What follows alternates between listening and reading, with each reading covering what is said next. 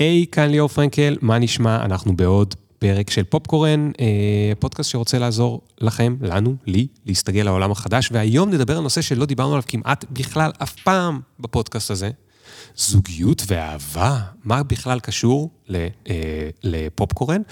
אז אני, אנחנו נדבר על זוגיות ואהבה בעולם של היום. הרי הגנים שלנו לא השתנו יותר מדי מאז שהיינו מקימים משפחות אי שם בשבטי הלקטים ציידים, וכנראה עוד חלקם עוד תקועים איתנו מהקופים. אני לא כזה מבין גדול בזה, תכף האורחת שלנו תדייק אותי אם צריך, אבל איך אנחנו מתמודדים עם ניהול מערכות יחסים בעולם של היום? בעולם הדיגיטלי, בעולם של טינדר, בעולם של הודעות באינסטגרם, בעולם שבו אפשר לרגל אחרי כל אחד ואחת בדיגיטל עוד לפני שפוגשים אותם ומריחים אותם, או רואים אותם, או בודקים יש כימיה. העולם של היום מציע כל מיני אפשרויות אה, חדשות, מדהימות, להכיר כל כך הרבה בני זוג פוטנציאליים, אז גם המגוון מאוד מאוד מאוד אה, אה, גדול. זה טוב, זה רע, זה הגיוני, זה בכלל מסתדר עם מה שיש לנו בתוך הראש או עם הביולוגיה שלנו.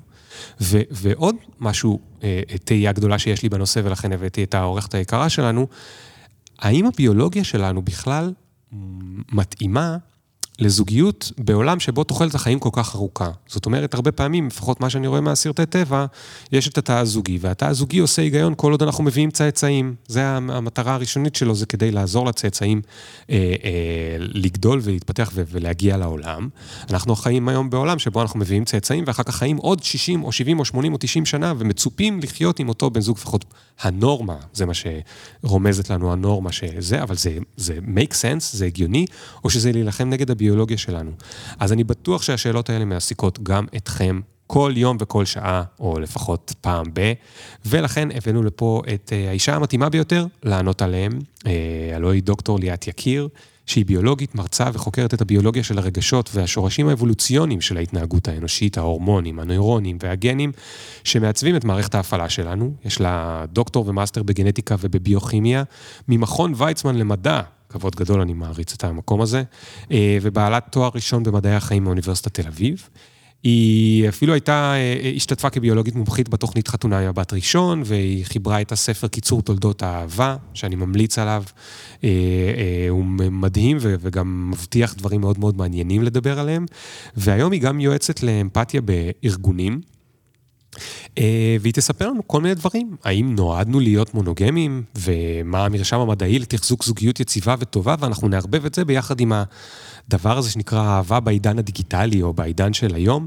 אז אני לא יכול להתחיל אה, לחכות אפילו עוד קצת להתחיל את הפרק, ניתן למקום את המקום שלה ונתחיל בעוד שנייה.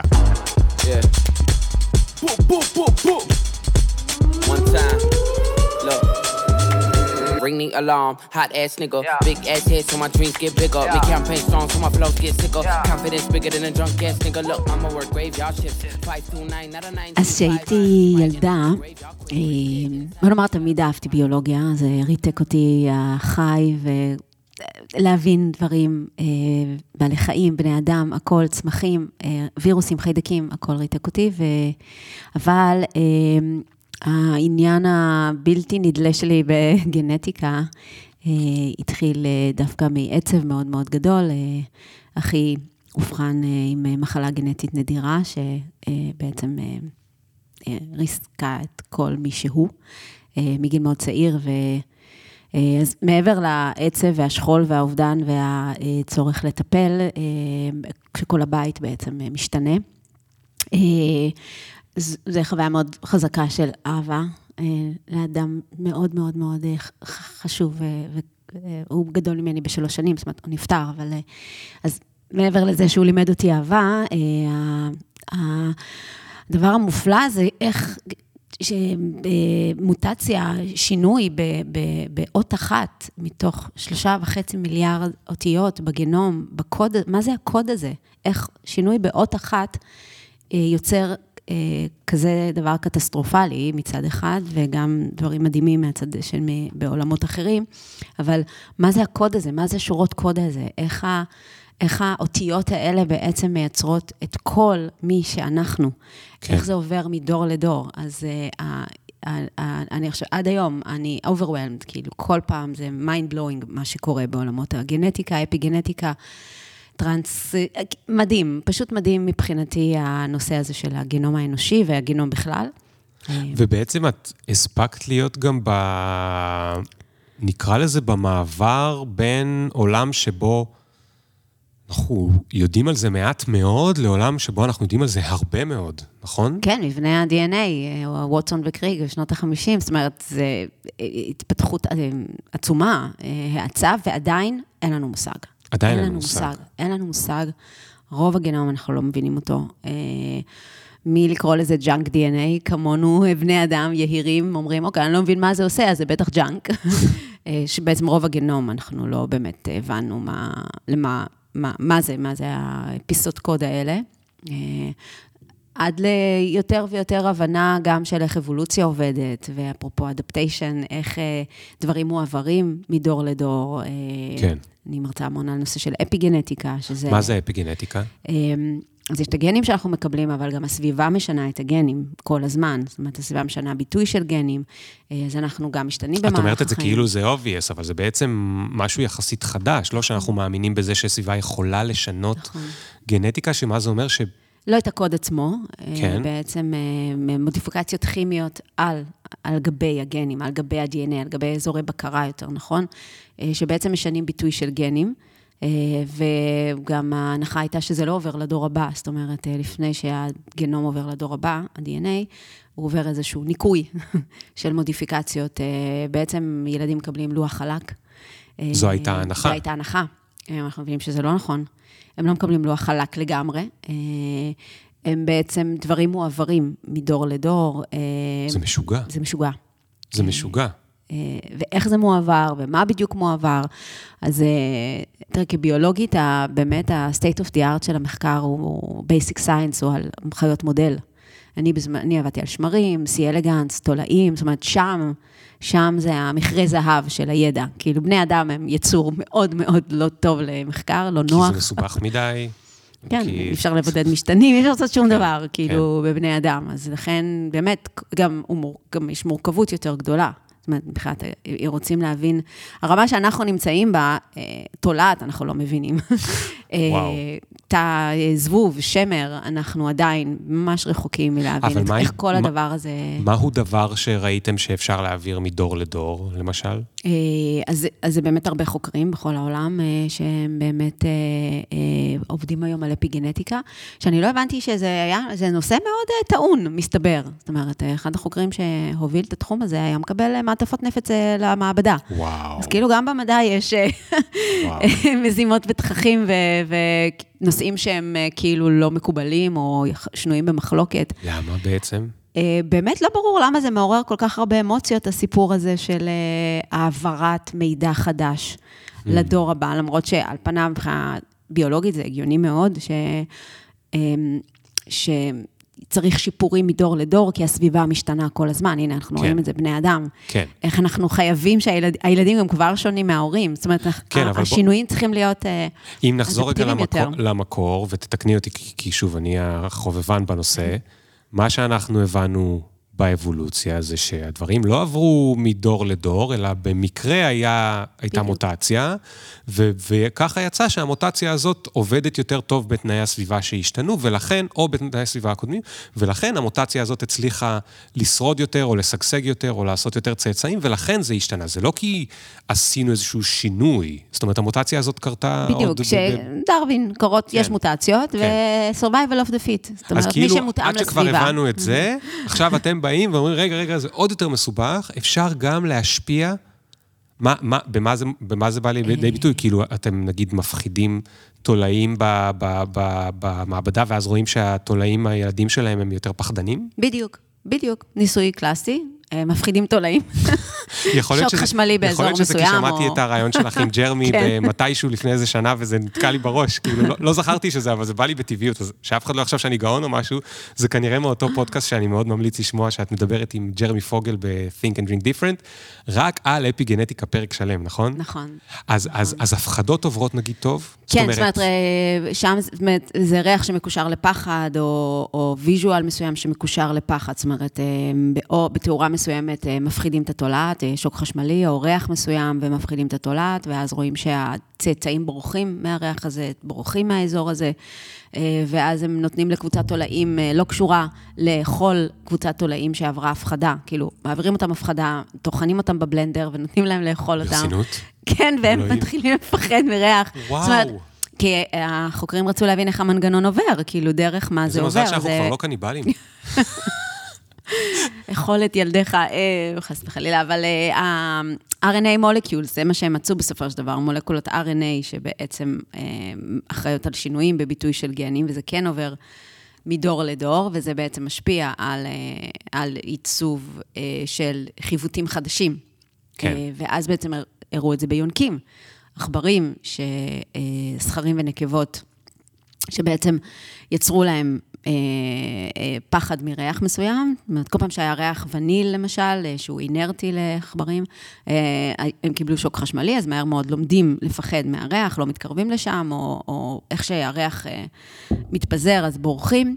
אז רואים שהמנגנון, אה, אה, הצימוד, ההתניה נוצרה, אה, ואז מרבים אותם, נותנים להם להזדווג עם זכרים ונקבות שלא עברו את החוויה הזאת. כן. ואז רואים שהזכרים מעבירים את המידע הזה לדור הבא. זאת אומרת, הצאצאים של האבות האלה, בורחים מריח של וניל, למרות שהם... למרות שלא אימנו אותם לזה. אף פעם לא העריכו את זה. עכשיו, ריח הוא כמובן בעל... זה לחץ סלקציה מאוד חזק, כוח אבולוציוני מאוד חזק קיים על ריח. לחץ מה אמרת? לחץ? לחץ סלקציה, זאת אומרת, זה 아, מושג, סלקציה. כן, מושג באבולוציה, שבעצם החיווטים של ריח הם אה, חיווטים מאוד חזקים, שבאמת, אנחנו, למשל, יש ריחות שאנחנו לא למדנו, אבל הם אה, עושים לנו רע, נכון? נכון. לא, לאו דווקא הערכנו אותם, אז אה, כן. בגלל שהם... אה, ריח זה רבייה, ריח זה תזונה, ריח זה הישרדות, ריח זה הכל כן. בבעלי חיים, אז כן. יש להם... אה, עכשיו, מה שאני עוד זוכר ממש במעומעם, שתקני אותי אם זה נכון, זה שהצליחו להראות באפיגנטיקה, נגיד, הרבה מעברים של דברים שהם, נקרא לזה מילה כללית, שליליים, כמו להפחיד טראומות. או טראומות וזה, אבל פחות את הדברים החיוביים. אה, כן, כן. טוב, זה עוד פעם קשור לסלקציה. אה, בכלל, כל כי המערכות... צריך, ה... כי צריך לדעת ממה להיזהר? כן, כל המערכות mm. החיים הן מוכוונות יותר לפחד מהרע, אה, לצרוב יותר חזק אה, טראומות, כדי... זאת אומרת, החיה הממוצעת, הזמן... היא פרנואידית בעצם? היא פרנואידית, בטח. כי, כי היא קיבלה כל הזמן בתור השעה את ה... היא נוירוטית, היא פרנואידית, היא... כי העולם מסוכן. לרוב כן. בעלי החיים, אין להם נטפליקס וגולדה, רוב בעלי החיים כל הזמן צריכים להיות אלרט. אה, ולכן חשוב מאוד להעביר לדור הבא כל מידע חדש שמקושר לפחד. איזה mm. נמר חדש, איזה אה, יצור חדש, איזה משהו חדש שבעצם מופיע בסביבה ועלול לאיים. המידע שקשור לשלילי, באמת אה, הוא, הוא נצרב מאוד חזק, גם לתקן חוויה שלילית, גם בבני אדם, לתקן חוויה, אפילו רושם ראשוני שלילי שעשית על מישהו, לא, צריך שש חוויות חיוביות כדי לתקן mm. חוויה שלילית. אה, כי המוח שלנו מאוד מכוות. אה, אוקיי. בגלל זה אנחנו סובלים מסטרס. יש את הבעיה שאנחנו, אה, שנאת ההפסד, נכון, מה שנקרא. בדיוק. שאנחנו פי שתיים יותר שונאים להפסיד שקל מאשר להרוויח את השקל הזה. אז רגע, אז נגיד, אפשר להגיד בצורה מאוד מאוד משוערת ולא מדעית, כל מיני אמרות כמו, יכול להיות שילדים של שורדי שואה, או, או בכלל, לא רק שואה, היה באותה תקופה היו כל מיני הבלות בכל מיני מקומות בעולם. הם יותר פחדנים כי הם אשכרה קיבלו את זה אולי בגנים? אז אה, יש גם... או הילדים אה, שלהם? אה, יש גם... באמת, שוב, בבני אדם זה מאוד מורכב, למרות שכבר אנחנו מדברים על, אני קוראת למשפחה קונסטלציה נוירונלית אפיגנטית וגם אה, גנטית. זאת אומרת, אנחנו משפיעים על הילדים שלנו בכל כך הרבה רמות, זאת אומרת, מעבר לרמה של הגנטיקה שנתנו להם, ומעבר לרמה של חוויות החיים עכשיו שחווינו, גם השפיעו על הגנום שלנו, וזה גם אה, חלק עובר לדור הבא, ואז גם יש את ההשפעות. של החינוך והתרבות, זאת אומרת, של המסרים שאנחנו נותנים להם, שאם ילד אה, קופץ לכביש, ורמת הלחץ שאני מראה, תלויה גם בחוויות שאני חוויתי, נכון? כן, ובגידול כן. שאני גדלתי. אז זאת אומרת, הכל לבודד. משולב. אז קשה לבודד. קשה לבודד, אבל עדיין רואים שבאמת אה, אה, חוויות גם שלא דוברו בבית, אה, אה, אה, אה, איזשהו חשש באמת מהרע ביותר, כן, אה, כן קיים במשפחות. שחוו, שבעצם הדורות הקודמים חוו טראומות. Mm. בבני אדם הכל יותר מורכב, אבל גם, זאת אומרת, בבעלי חיים, למשל, עבודה יפהפייה במכון ויצמן, פרופסור אלון חן, שבאמת מראים איך בצורה אפי-גנטית, הליקוק של אימא הליקוק של ההורה, 97% מהיונקים הם חד-הוריים, אנחנו נדבר, חד-הוריות, סליחה, זה רק נקבות. אה, אז הליקוק של האימא מעצב את מערכת הסטרס במוח, את בעצם היכולות ויסות רגשי, אם תרצה, במוח של הגורים, שהמערכות הרגשיות מעוצבות בראשית החיים משהו כמו שלוש-חמש שנים, כאילו, בבני אדם גם. אה, אז זאת אומרת, אה, וזה מאוד מושפע אפי-גנטית, מהטיפול ההורי בעצם. Mm. אה, אה, עוד מחקרים שלהם הם... רגע, אה, שנייה, רק להבין, הילדה שלי בת ארבע וחצי, אני יכול להפסיק כאילו, אני יכול להפסיק לחנך? אבל, כמובן שלא, אבל המערכות הרגשיות שכבר טבועות בה, מאוד מאוד הושפעו ממה שהיא חוותה בבית. מה הכוונה מערכות רגשיות? יכולת הוויסות, המוטיבציה, דחיית סיפוקים, שליטה בכעסים. בעצם מאוד מושפע מהסטרס mm. בראשית החיים, בוא נאמר, החוויות ה... עכשיו, יכול להיות שאימא ליקקה אותי כל היום, במרכאות ליקוק, זאת אומרת, כן. גם המגע, המגע הוא מאוד חשוב בבני אדם. אה, ממש יש מחקרים היום שמראים שמקבצים תינוק ומלטפים תינוק ומועכים תינוק, זה ממש אה, מביא להתפתחות המוח, כאילו, וואו. ליצירת יותר סינפסות במוח, כאילו, ככל שמחבקים ומנשקים ומלטפים, יותר סינפסות במוח. אה, אז, אה, אבל גם באמת החוויית ביטחון שהייתה לי, כן? כאילו סייפטי בעצם. המערכת עצבים שלנו שואפת. כן. שנדבר על אהבה, נגיע לסייפטי, כן. למקום הזה של הוודאות והביטחון, ולדעת שההורה אמ, תמיד שם, מישהו תמיד שם, מישהו תמיד יספק את הצרכים שלי, זה בעצם מעצב את מערכת העצבים שלי, באמת לעולם של... אה, כן. העולם הוא בטוח. זאת אומרת, המערכת העצבים לומדת בראשית החיים, עכשיו היא לומדת את זה עוד ברחם. Mm. סטרס של, בעכברים, סטרס בטרימסטר הראשון להיריון, אה, יוצר אה, צאצאים עם אה, בעיות רגשיות, או, או כאילו קשיים וסט רגשי, וגם הפרעות אכילה פי עשר בקרב הנקבות. Mm, וואו. בלי שהם ראו דוגמניות, כן? וואו. פשוט כי האימא הייתה בסטרס בהיריון. זאת אומרת, מה שהם מראים במכון ויצמן, באמת זה השפעה מאוד חזקה של סטרס על גנים מטאבוליים. על אפיגנטיקה, כאילו על שינויים בביטוי של גנים. זאת אומרת, אם גדלתי ברחם של אימא שהייתה בסטרס, או גדלתי ברחם של אימא שלא הייתה בסטרס, אני אגיד לך מה הקטע. סטרס זה מלחמה, נכון? מלחמה, טראומה, כן, בטח השואה. כן, כן. זה חוויות. אבל אני אגיד לך מה, את, את, אני, עכשיו, אני עכשיו תוהה, האם אה, אנחנו יושבים ומקליטים כאן פודקאסט, מגבירים את הסטרס בקרב אה, נשים הריוניות, ואנחנו בעצמנו עושים... אה, זאת אומרת, הידיעה הזאת היא, היא כבר מלחיצה. להפך. להפך. או, יפה, יפה, בדיוק. להפך. אני אומרת, ידע זה כוח. כן. להבין משהו זה להשתחרר ממנו. ואני בכלל קוראת לנו כחברה, פשוט לעטוף אימהות הריוניות, לעטוף אותן, לתת להן, והן לעצמן. אומרת, התובנה הזאת, שזה לא רק מה שאני אוכלת, אלא מה שאני מרגישה, אלא איך שהסביבה שלי אה, מתייחסת אליי. אה, אז ברגע שאני יודעת את זה, אני א', דורשת את זה מעצמי ומהסביבה, ודואגת לכך, אני משנה את הסביבה כדי שתתאים ל... בנייה של המוח הרגשי של הילד שלי בתוך הרחם, והילדה שלי בתוך הרחם. אה, ובעצם הידע, בלי הידע הזה, אני לא מודעת, כן? אני הולכת בעולם ואני מלחיצה את עצמי עוד יותר, כי... כן. כי אני עכשיו בהיריון, אז עכשיו אני צריכה לקחת על עצמי מלא דברים והכול, ועכשיו, בכלל, אני באמת קוראת לנו כחברה ממש ממש ממש להגן על אימהות, לתת להן את הסביבה הכי בטוחה, הכי תומכת שאפשר, כי שם, ברגעים האלה בתוך הרחם, בעצם נבנים, נבנית הפלטפורמה של הדור הבא, כאילו הפלטפורמה של המין האנושי. זאת אומרת, כן, כן. אוקיי, האנושות. אוקיי, אוקיי. אז, אז עכשיו אנחנו תכף מגיעים מפה לעולמות האהבה, והאהבה בעולם החדש, אבל רגע לפני זה, אנחנו צריכים איזשהו שיעור כזה להדיוטות, כי רוב המאזינים לא אה, עשו דוקטורט במכון ויצמן, אז רק תעשי לנו רגע בגלל שאת מכירה ו, ונוגעת גם בהורמונים, גם בנוירונים וגם בגנים, תעשי לנו איזה שיעור רגע כיתה, כיתה ו', תקפיצי אותנו רגע, ש, שנבין וניקח את עולם האהבה כ, כ, כ, כ- כהדבר לה- להטיל את זה עליו, כי אז זה, זה קל. אז בואו נבין לשנייה רגע איך, מה הקשר בין הורמונים, נוירונים וגנים, כל אחד מהם כן. כדי להפריד ביניהם, ומה הקשר ביניהם לבין עולם האהבה. כי עד עכשיו דיברנו בעיקר על גנים. כן. כי אנחנו בעצם מדברים על הביולוגיה של ההתנהגות האנושית, אוקיי? אז יש את מה שקורה, נגיד אני רואה בחור יפה, אוקיי? אני עכשיו בחורה צעירה, מחפשת זוגיות, רואה בחור יפה, ולהפך, לא משנה, או בחורה ובחור, ובחורה ובחורה, הכל אותו דבר, אהבה זה אהבה זה. אהבה, זה אותו ביולוגיה. אה, אני רואה אה, עכשיו, אה, קורה משהו בשניות הראשונות, נכון? אני רואה. הקו הראשון שמגיב זה נוירונים, נכון? יש עכשיו visual שנכנס, בחור אה, גבוה, יפה תואר והכול, visual שהגיע למוח, והנוירונים מאבדים את המידע. אוקיי, כן. כן. חתיך, לא חתיך, נחמד, אולי ניגש, אולי לא ניגש. כאילו, אני מדברת על איך ה... זאת אומרת, המרכיבים הביולוגיים של ההתנהגות. אולי ההתנהגות שלי תהיה לגשת אליו או לא לגשת אליו, כן. תכף נדבר על זה, אה, אבל הנוירונים הם אלה שקולטים, כן. נכון? הנוירונים מפעילים בלוטות. במקרה הזה נגיד בלוטת יותרת המוח, אה, או בלוטות אחרות שגורמות להפרשת הורמונים שקשורים לאהבה. Hmm. אה, אוקסיטוצין, סרוטונין, הורמון השמחה, הורמון העונג, הורמון האהבה, אדרנלין ה bonding. גם נמצא באהבה? בוודאי. אוקיי.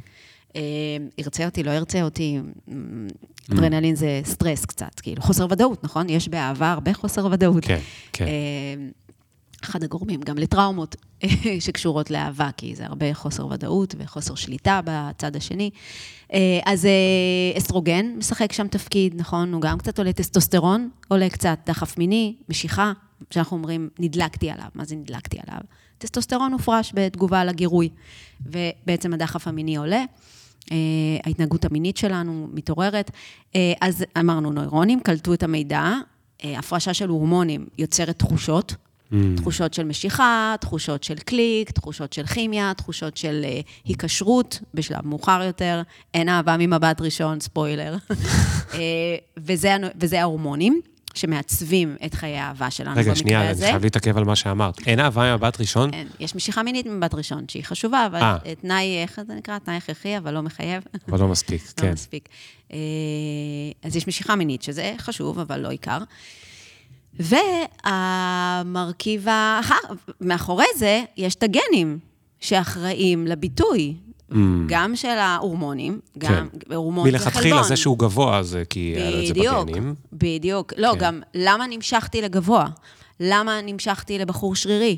למה הגבר נמשך לאישה עם טליה צרה, אה, אוקיי? זה אוקיי. אבולוציוני, זה גנים. אוקיי. זאת אומרת, זה המידע הגנטי. רשום לי שם, מתישהו למישהו זה היה רעיון טוב. בדיוק. לא בטוח שלי בדיוק. היום, אבל רשום לי, רשום לי משהו מלפני מיליון שנה, שזה היה רעיון טוב, שהוא יהיה גבוה. האלגוריתם כתב, חפשי, את אה, נקבה מגיל אה, בגרות מינית, מגיל 11-12 בבני אדם, תתחילי לחפש כן. אה, שרירי, כן, גבוה, כן. חטוב, בעל לא מעמד. היה רשום שלא יהיה אפשר לנסוע איתו במטוסים, כי הוא רוצה רק את הזה עם הלגרום, ואף פעם אי אפשר להשיג, וזה יותר יקר. את זה לא רשמו לי באלגוריתם שם. היה רשום שפעם, מזמן, אם נצטרך לברוח לאן, שהוא ירוץ יותר מהר. כן, והוא גם ייתן לי יותר הגנה, והוא גם יותר חזק, ויותר כן. אה, אה, אה, גדול. כן. גדול זה טוב, כאילו שהוא יותר גדול ממך, זה אומר שיש לו יותר טסטוסטרון. אה, אם הוא יפה, מה זה יפה? מה זה יפה? מה זה יפה? מה זה יפה?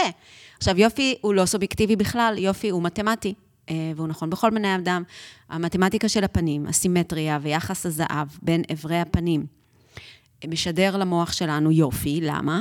כי זה שדר מאוד אבולוציוני עתיק, שכתוב בקוד של הגנום שלנו, שמי שיפה, מי שיש לו יחס סימטריה. נכון, סימטריה ויחס זהב, בעצם יחס מדויק של 1.6 בין אברי הפנים, זה אומר שההתפתחות העוברית שלו הייתה תקינה שלה. כל דבר קרה ברגע הנכון, זה מעיד על גנטיקה טובה, ולכן הוא יפה. אז כדאי, כדאי לעשות מאמץ אה, ולהעביר את הגנים שלו או שלה לדור הבא, לעשות, לעשות איתם את הדיל הזה, את כן. העסקה הזאת של החלפת גנים, של אה, העברת הגנים לדור הבא. אה, אז בעצם האלגוריתם, אגב, איך זה שלא כולנו חזק. יפים אחרי כל השנים האלה? כי לא כל הגנים מושלמים, זאת אומרת, נשמע שכאילו. מתישהו כבר רק היפים היו צריכים לקבל את הזוגיות, וכולנו היינו כבר יפים וזהו. אה, אז, אז יש עוד מרכיבים, חוץ מיופי, אבל אה, יופי, גם הוא תנאי הכרחי, אך לא מחייב. כן. אבל השילוב של הכל יכול להיות, עכשיו שוב, זה גם, יש יפים יותר, יש יפים פחות, אבל במחלות ותסמונות גנטיות מסוימות, תסמונת דאון זה מאוד בולט, יש שינוי במבנה הפנים. ואז זה נראה לנו, פחות ממושלם. זאת אומרת, אה, עם העיניים רחוקות מדי, עם האוזניים גדולות יחסית. זאת אומרת, משהו ישר בפנים אה, אומר לי, רגע, אה, משהו לא סימטרי. אז אני קצת אה, ערתה. כן. אוקיי? אז... אז אה, עכשיו, מעבר לזה, כמובן, יש גם את הגורמים של, אה, סביב, של אה, תרבות, ואסייתים נראים אחרת, ואפריקאים אה, זה יופי אחר. זאת אומרת, ב, ב, זאת אומרת, תלוי איפה גדלת ומי היו ההורים. כן. ההורים זה מרכיב מאוד חשוב, החתמה. זאת אומרת, הדמות הראשונה שראיתי שנולדתי, תשפיע מאוד מאוד מאוד על חיי האהבה שלי.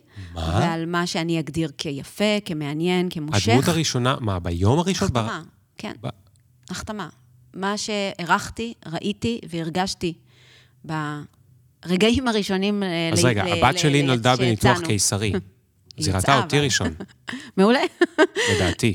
רואה את הרופא, לא, רגע. החתמה זה התקופת הטבעה. לא. היא לא תתאהב ברופא.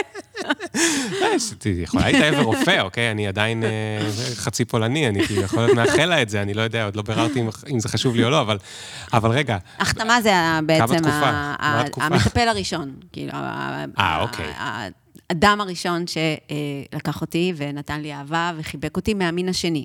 עוד אוקיי. פעם, אם, אני, אם, אם זה, בוא, בוא, נז, בוא נזכיר את זה עכשיו, אהבה חד-מינית, הכל אותו דבר, רק המשיכה היא לאותו מין. כן. וגם שם יש כנראה כן. מרכיבים אפיגנטיים מאוד מעניינים בתקופת מגניב. הרחם ועוד לפני. אוקיי, אז עכשיו יש לי את כל הדברים האלה, ואת יודעת, אמרת לה יפה, לא יפה וזה, ודיברת על הנוירונים, ואני כבר חשבתי באמת על... על הטינדר. אבל עוד לפני שאני מדבר על טינדר, אני רגע מכניס באמצע שכבה שהיא עוד לפני הטינדר, כי נגיד היה אפשר לדבר עליה גם ב... לא יודע, בשנת 1700, כשהיה נהוג, נגיד, ללכת, גברים, אה, היה נהוג שהם הולכים שמלות. כן. או מו- מתאפרים, אה, לואי ה-16 והחברים שלו היו מתאפרים. עכשיו, שם פתאום יש לנו כל מיני סיגנלים, שכל התהליך שדיברת עליו, קודם כאילו נוירונים וכימיה, ו, ו, ו, סליחה, נוירונים והורמונים ו, וגנים, כן. הם כאילו שגנים כתבו באים איתנו. מזמן, מזמן, מזמן, נכון. מזמן, מזמן, מזמן. איך נכנס העדכונים? כאילו, מתי נכנסים העדכונים? כאילו, אני. אני מתאהבת במישהו, ורק אז אני אומרת לעצמי, אה, טוב שהוא טוב בבינה מלאכותית, כי זה חשוב לעתיד? או, ש, או שזה ממש ברגעים הראשונים עוד יכול להיכנס שם? כאילו, באיזה שלב נכנסים הדברים התרבותיים של מה שעכשיו כדאי להתאהב בו? מה שעכשיו זה מעמד. אז בתקופת ג'ינגיס חאן זה היה רוצח, פסיכופת אה, אכזרי, ו, ונשים נמשכו גם לזה, כן? כן. כן, זאת אומרת, המצביעים, הגדולים, החזקים, המגלחי ראשים, אה, זה היה טוב להימשך למגלח ראשים בתקופה ההיא. זה עניין של מעמד. אה, בודהיסטים, גם נזירים בודהיסטים בטיבט בהימאליה רבים על כוח, רבים על מעמד. שם זה, נח- המעמד הוא לא באלימות. אה, הוא דרך אה, עזרה לזולת, אבל הם רבים עדיין על אה, מי עוזר יותר לזולת, או מי יותר עושה מדיטציות, או תמיד רבים על משהו.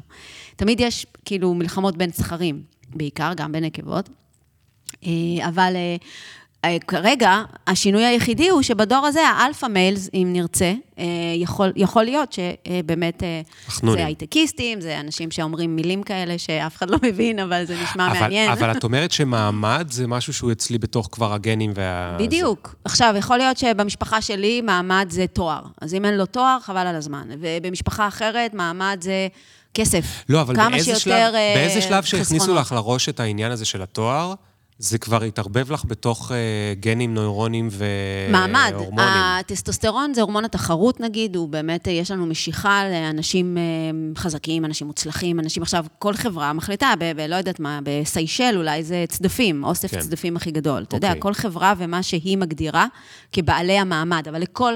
כל, יצור, כל היצורים החברתיים מהזבובים ועד אלינו לא חיים בשוויון אחווה ורעות, אלא יוצרים סדר חברתי היררכי. תמיד יש היררכיה.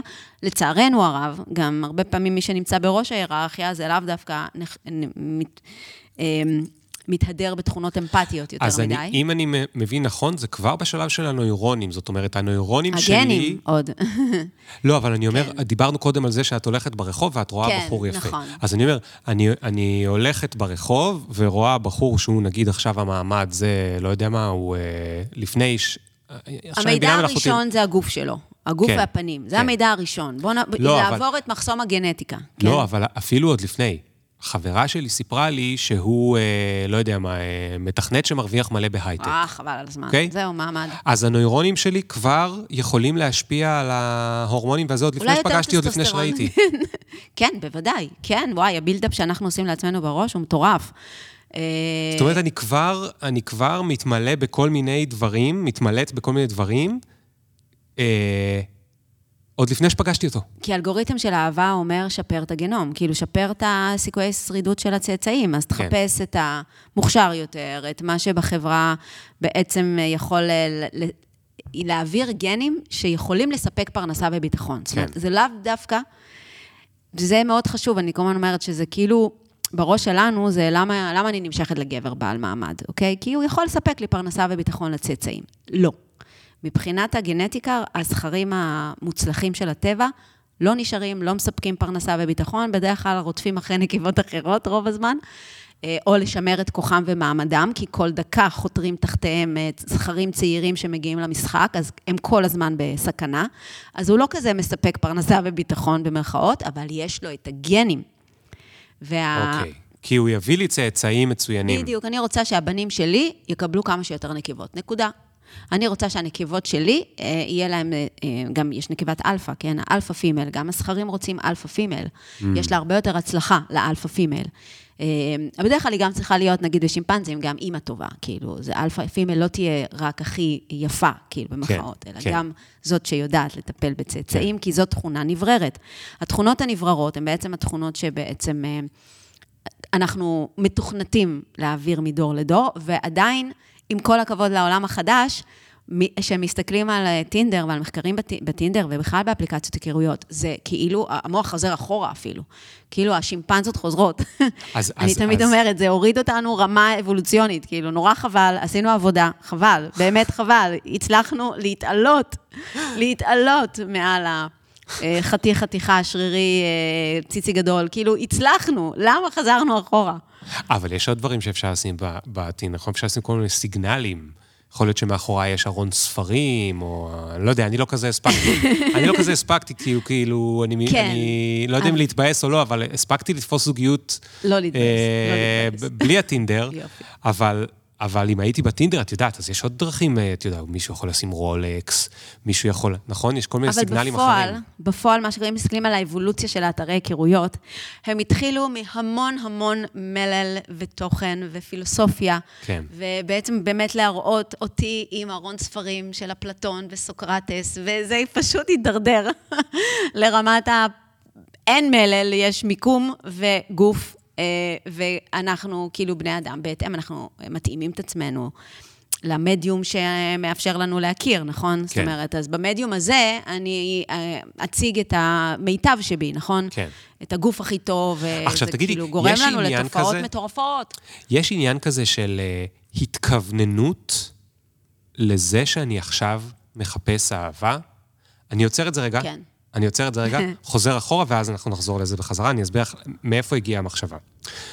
התחלתי, רציתי לשאול אותך, האם זה הגיוני בכלל למוח שלנו טינדר? כי מה שסיפרת קודם על זה שאני הולכת ורואה בחור יפה, אז עכשיו אני עושה swipe, swipe, swipe, swipe, עוד בחור, עוד בחור, עוד בחור. מה קורה? כאילו, יש לי הורמונים וכימיה וביולוגיה משתוללת בגוף, או להפך, שאני נהיה מאוד מאוד מאוד מאוד מאוד אדיש. רגע, רגע, רגע, תכף תעני, אני מחביא פה הרבה שאלות, אני אחזור להכל. ואז אמרתי, רגע, אבל זה לא נכון גם לפני הטינדר.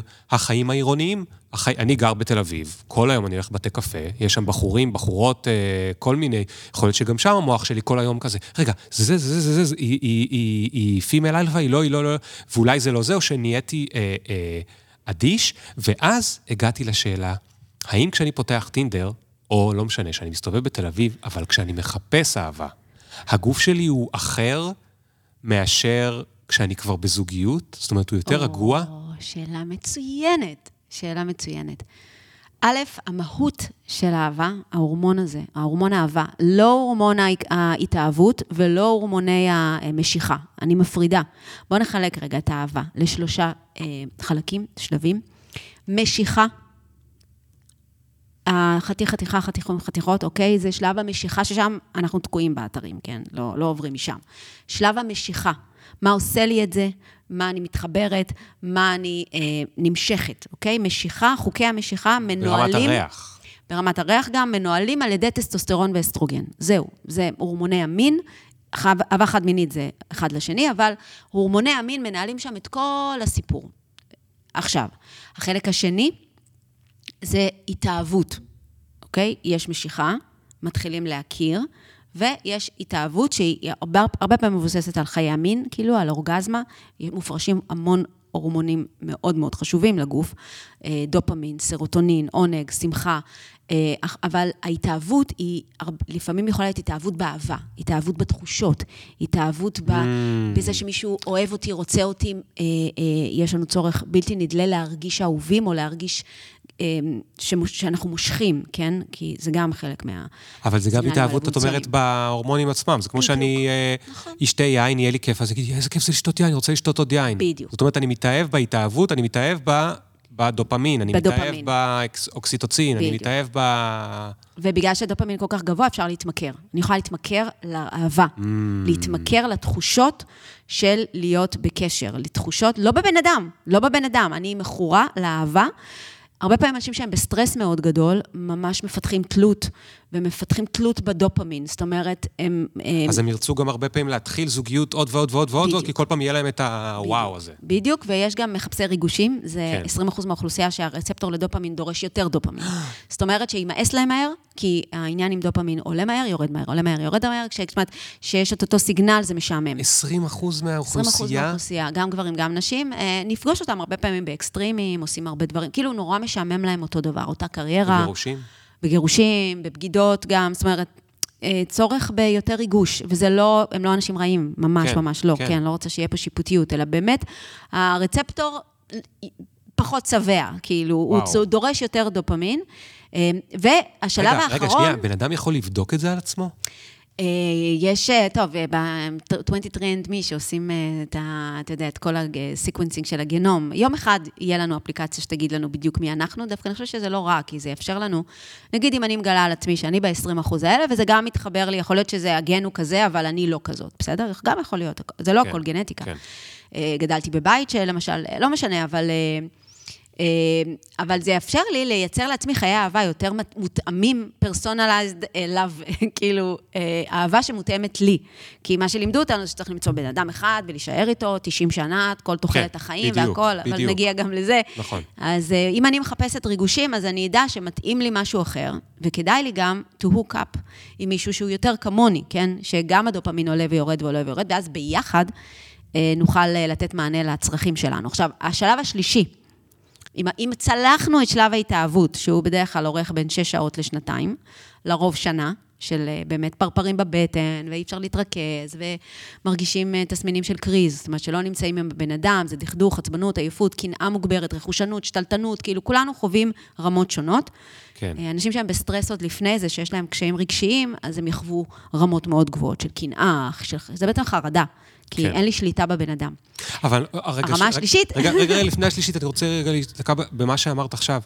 אנחנו הרבה פעמים נורא כועסים על עצמנו, על הצד השני שהוא מגיב ככה. נכון. אבל את בעצם באה ואומרת, זה הורמונלי. זה הורמונלי. אז, אז... זה תלוי למצב ההתחלתי שהגעתי, אוקיי? כן. וגם חוויות עבר. זאת אומרת, אם באתי. לא יודעת, מישהו שבאמת שבר לי את הלב.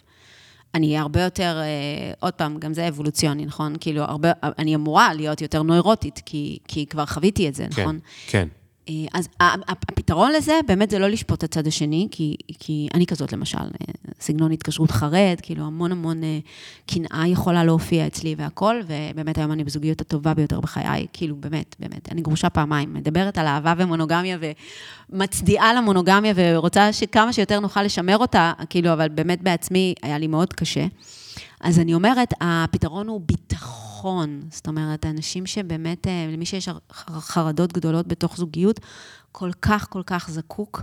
כל הזמן, לפעמים זה כאילו באמת אה, לעוס ודביק, אבל הצורך הזה הוא, הוא באמת, יש איזה בור כזה שהוא חייב, חייבים כל מיני, זה נורא, זה יכול להיות מאוד מעיק על הצד השני, כן? כן. אבל ברגע שמגיעים לאיזשהו שלב שבאמת של ביטחון, אה, אז הכל נרגע פתאום. כן. כאילו, הכל... אה, אבל כאילו צריך שם מלא מודעות עצמית כדי לדעת בכלל להבין שזה הסיפור ולא סיפור אחר. נכון, נכון. פחד, מת... כאילו, אתה תלוי במישהו, ואז אתה אה, פוחד שהוא ילך, כי כאילו, כן. אתה, זה סרטים בראש שרצים שאין לתאר. כן, כן, אבל כבר מישהו הלך פעם בגלל שהיית כזה תלותי, ואז אתה כבר מפחד להיות תלותי, אז אתה כבר נשאר רק עם עצמך, וזה כאילו... ואתה כועס על עצמך, אתה כועס על עצמך. עצמך, וכועס על עצמך, והנה עוד פעם אני מרחיקה אותו, או אותה, והנה עוד פעם זה קורה לי, והנה עוד פעם...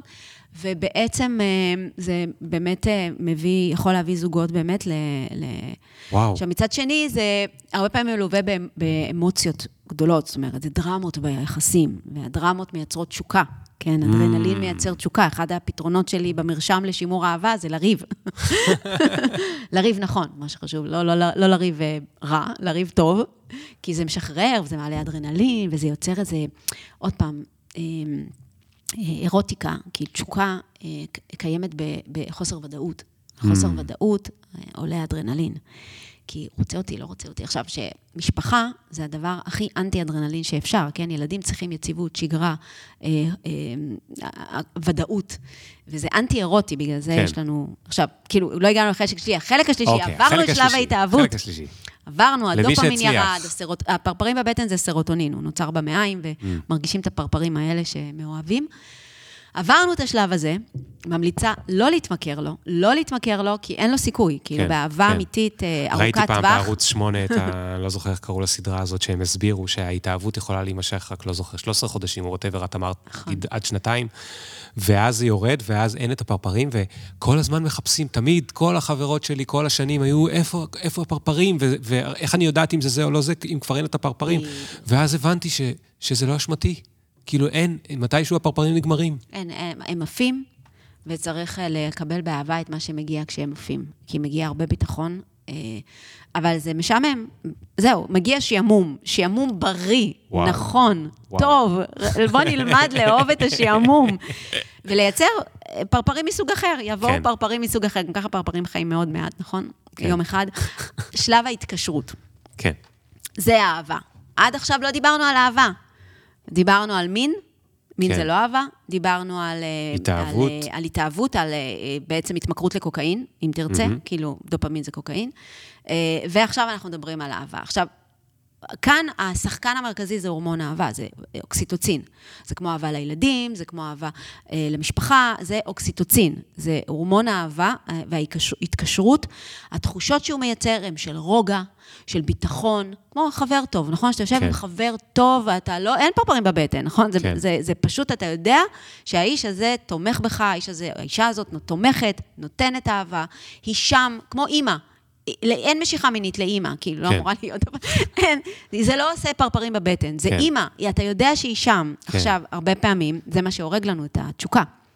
כי אנחנו בעצם, אה, אה, אה, אנחנו לא יצור זוגי, אנחנו יצור משפחתי, אנחנו יצור שחי במשפחות, בגדול. הזוגיות, מטרתה בטבע גם, לצורך הבאת צאצאים. מונוגמיה תקרה רק כשהצאצאים צריכים שניים, שני כן. הורים. וזה מאוד נדיר בטבע. זה לרוב אמרת קודם נקבות- 97 אחוז. כן, כן. 97 אחוז לא. ביונקים, זאת אומרת, לא. רק 3 אחוז כן. כן, זאת אומרת, האסטרטגיה היציבה, זה נקרא, כאילו, האסטרטגיה היציבה מבחינה גנטית, זה פוליגמיה. זאת אומרת, הזכרים רבים, הנקבות רוצות את הגנים של המנצח, לא דווקא את המנצח, הן לא חייבות להיות איתו, הוא בכלל לא מגן על אף אחת.